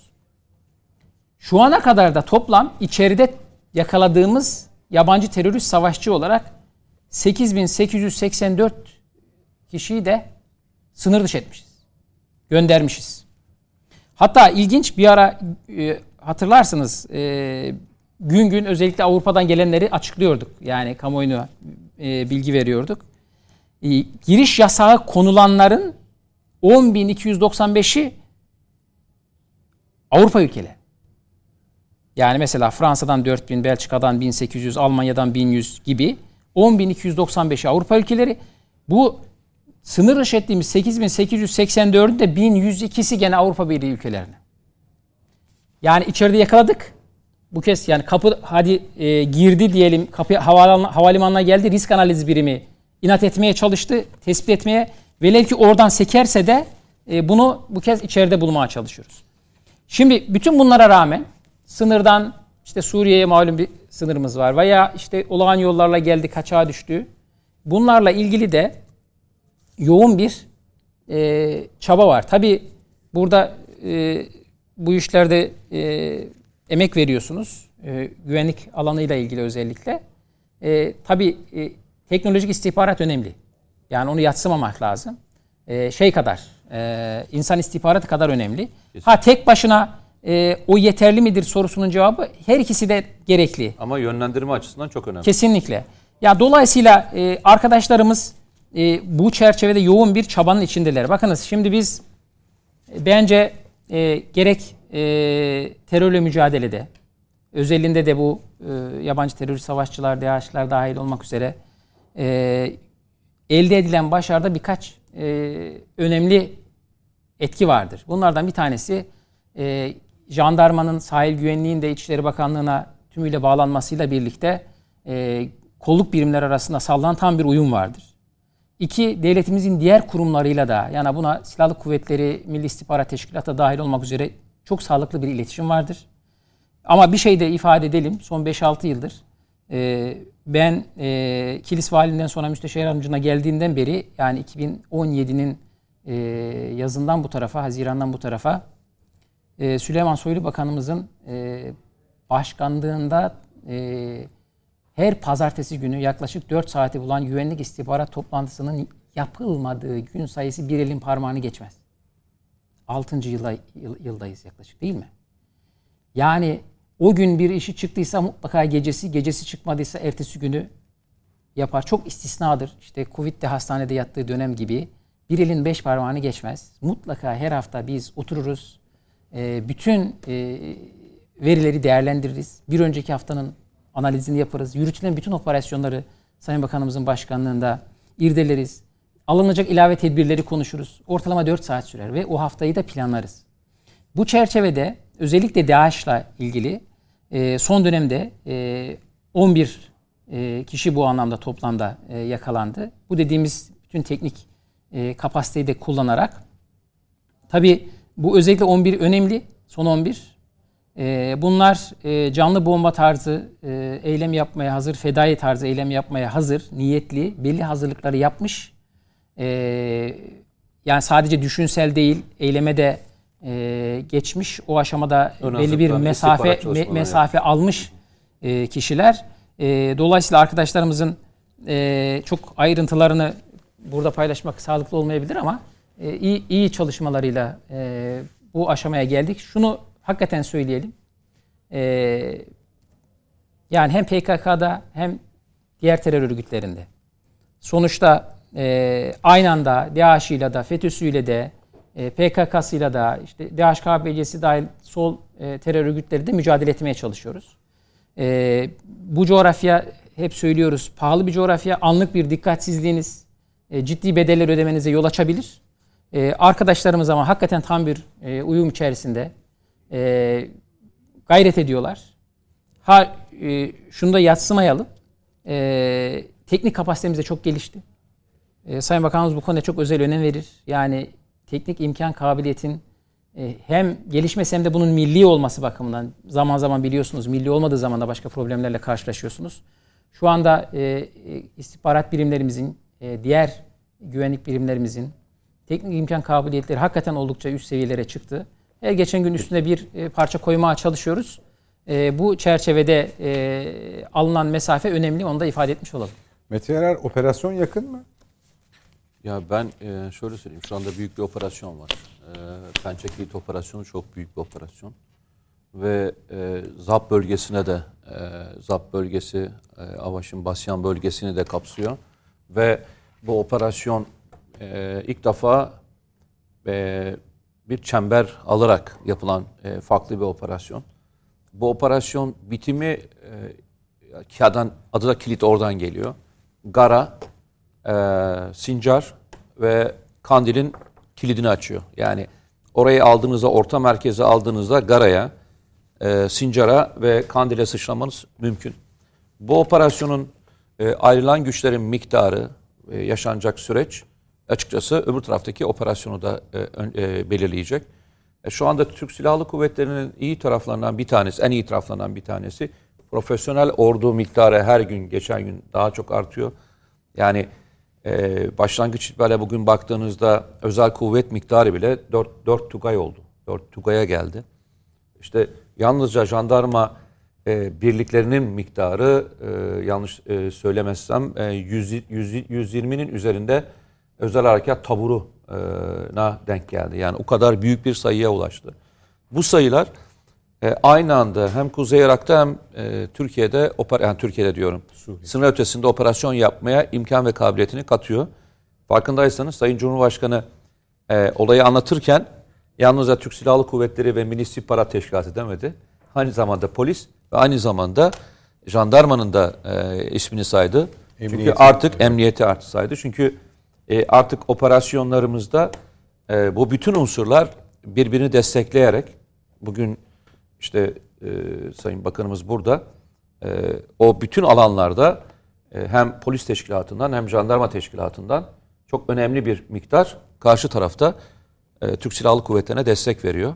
Hem e, oradaki birliklerin yetiştirilmesi anlamında, oradaki e, unsurların yerleştirilmesi anlamında. Çünkü emniyeti bilmiyorlar, idari konuları bilmiyorlar, e, farklı konuları bilmiyorlar. Onları yerleştirmesi anlamında da hem ordular hem de emniyetin sağlanması anlamında destek veriyorlar. Bu nokta itibariyle söylersek e, açıkçası e, konjüktürel durum, bakın bir kez daha söylüyorum, konjüktürel durum. İki, Pençe Kilit Harekatı'nda e, nereye geldiğimizde belirleyici olacaktır diye düşünüyorum ben. Perşembe günü bu anlamda Milli Güvenlik Kurulu kararlarının açıklanacağı yani Milli Güvenlik Kurulu bildirisinde buna ilişkin bir maddeye hatta uzunca bir maddeye rastlayabiliriz o zaman. Bu E, söylediklerinden rastlayabiliriz ama hareketle. e, çoğunlukla e, Sayın Cumhurbaşkanı'nın bir sloganı var. Ondan sonra gerçekleşiyor. Bir gece ansızın olan. Peki. Sayın Siz o lafı, o lafı duyduğunuzda e, yakınlaştığını anlarsınız diye söyleyeyim yani. Herkesin artık bir sloganı var. Sayın Cumhurbaşkanı da sloganı böyle diyeyim yani. Peki Sayın Bakan e, konuk olacağınızı duyurduğumuz andan itibaren izleyicilerimizden ki bu konuyla ilgili e, mağduriyetle yaşayan takipçilerimizden diyelim soru geliyor, sorular geliyor. İki ana konu POMEM ile ilgili sonuç beklendiğine ilişkin 28.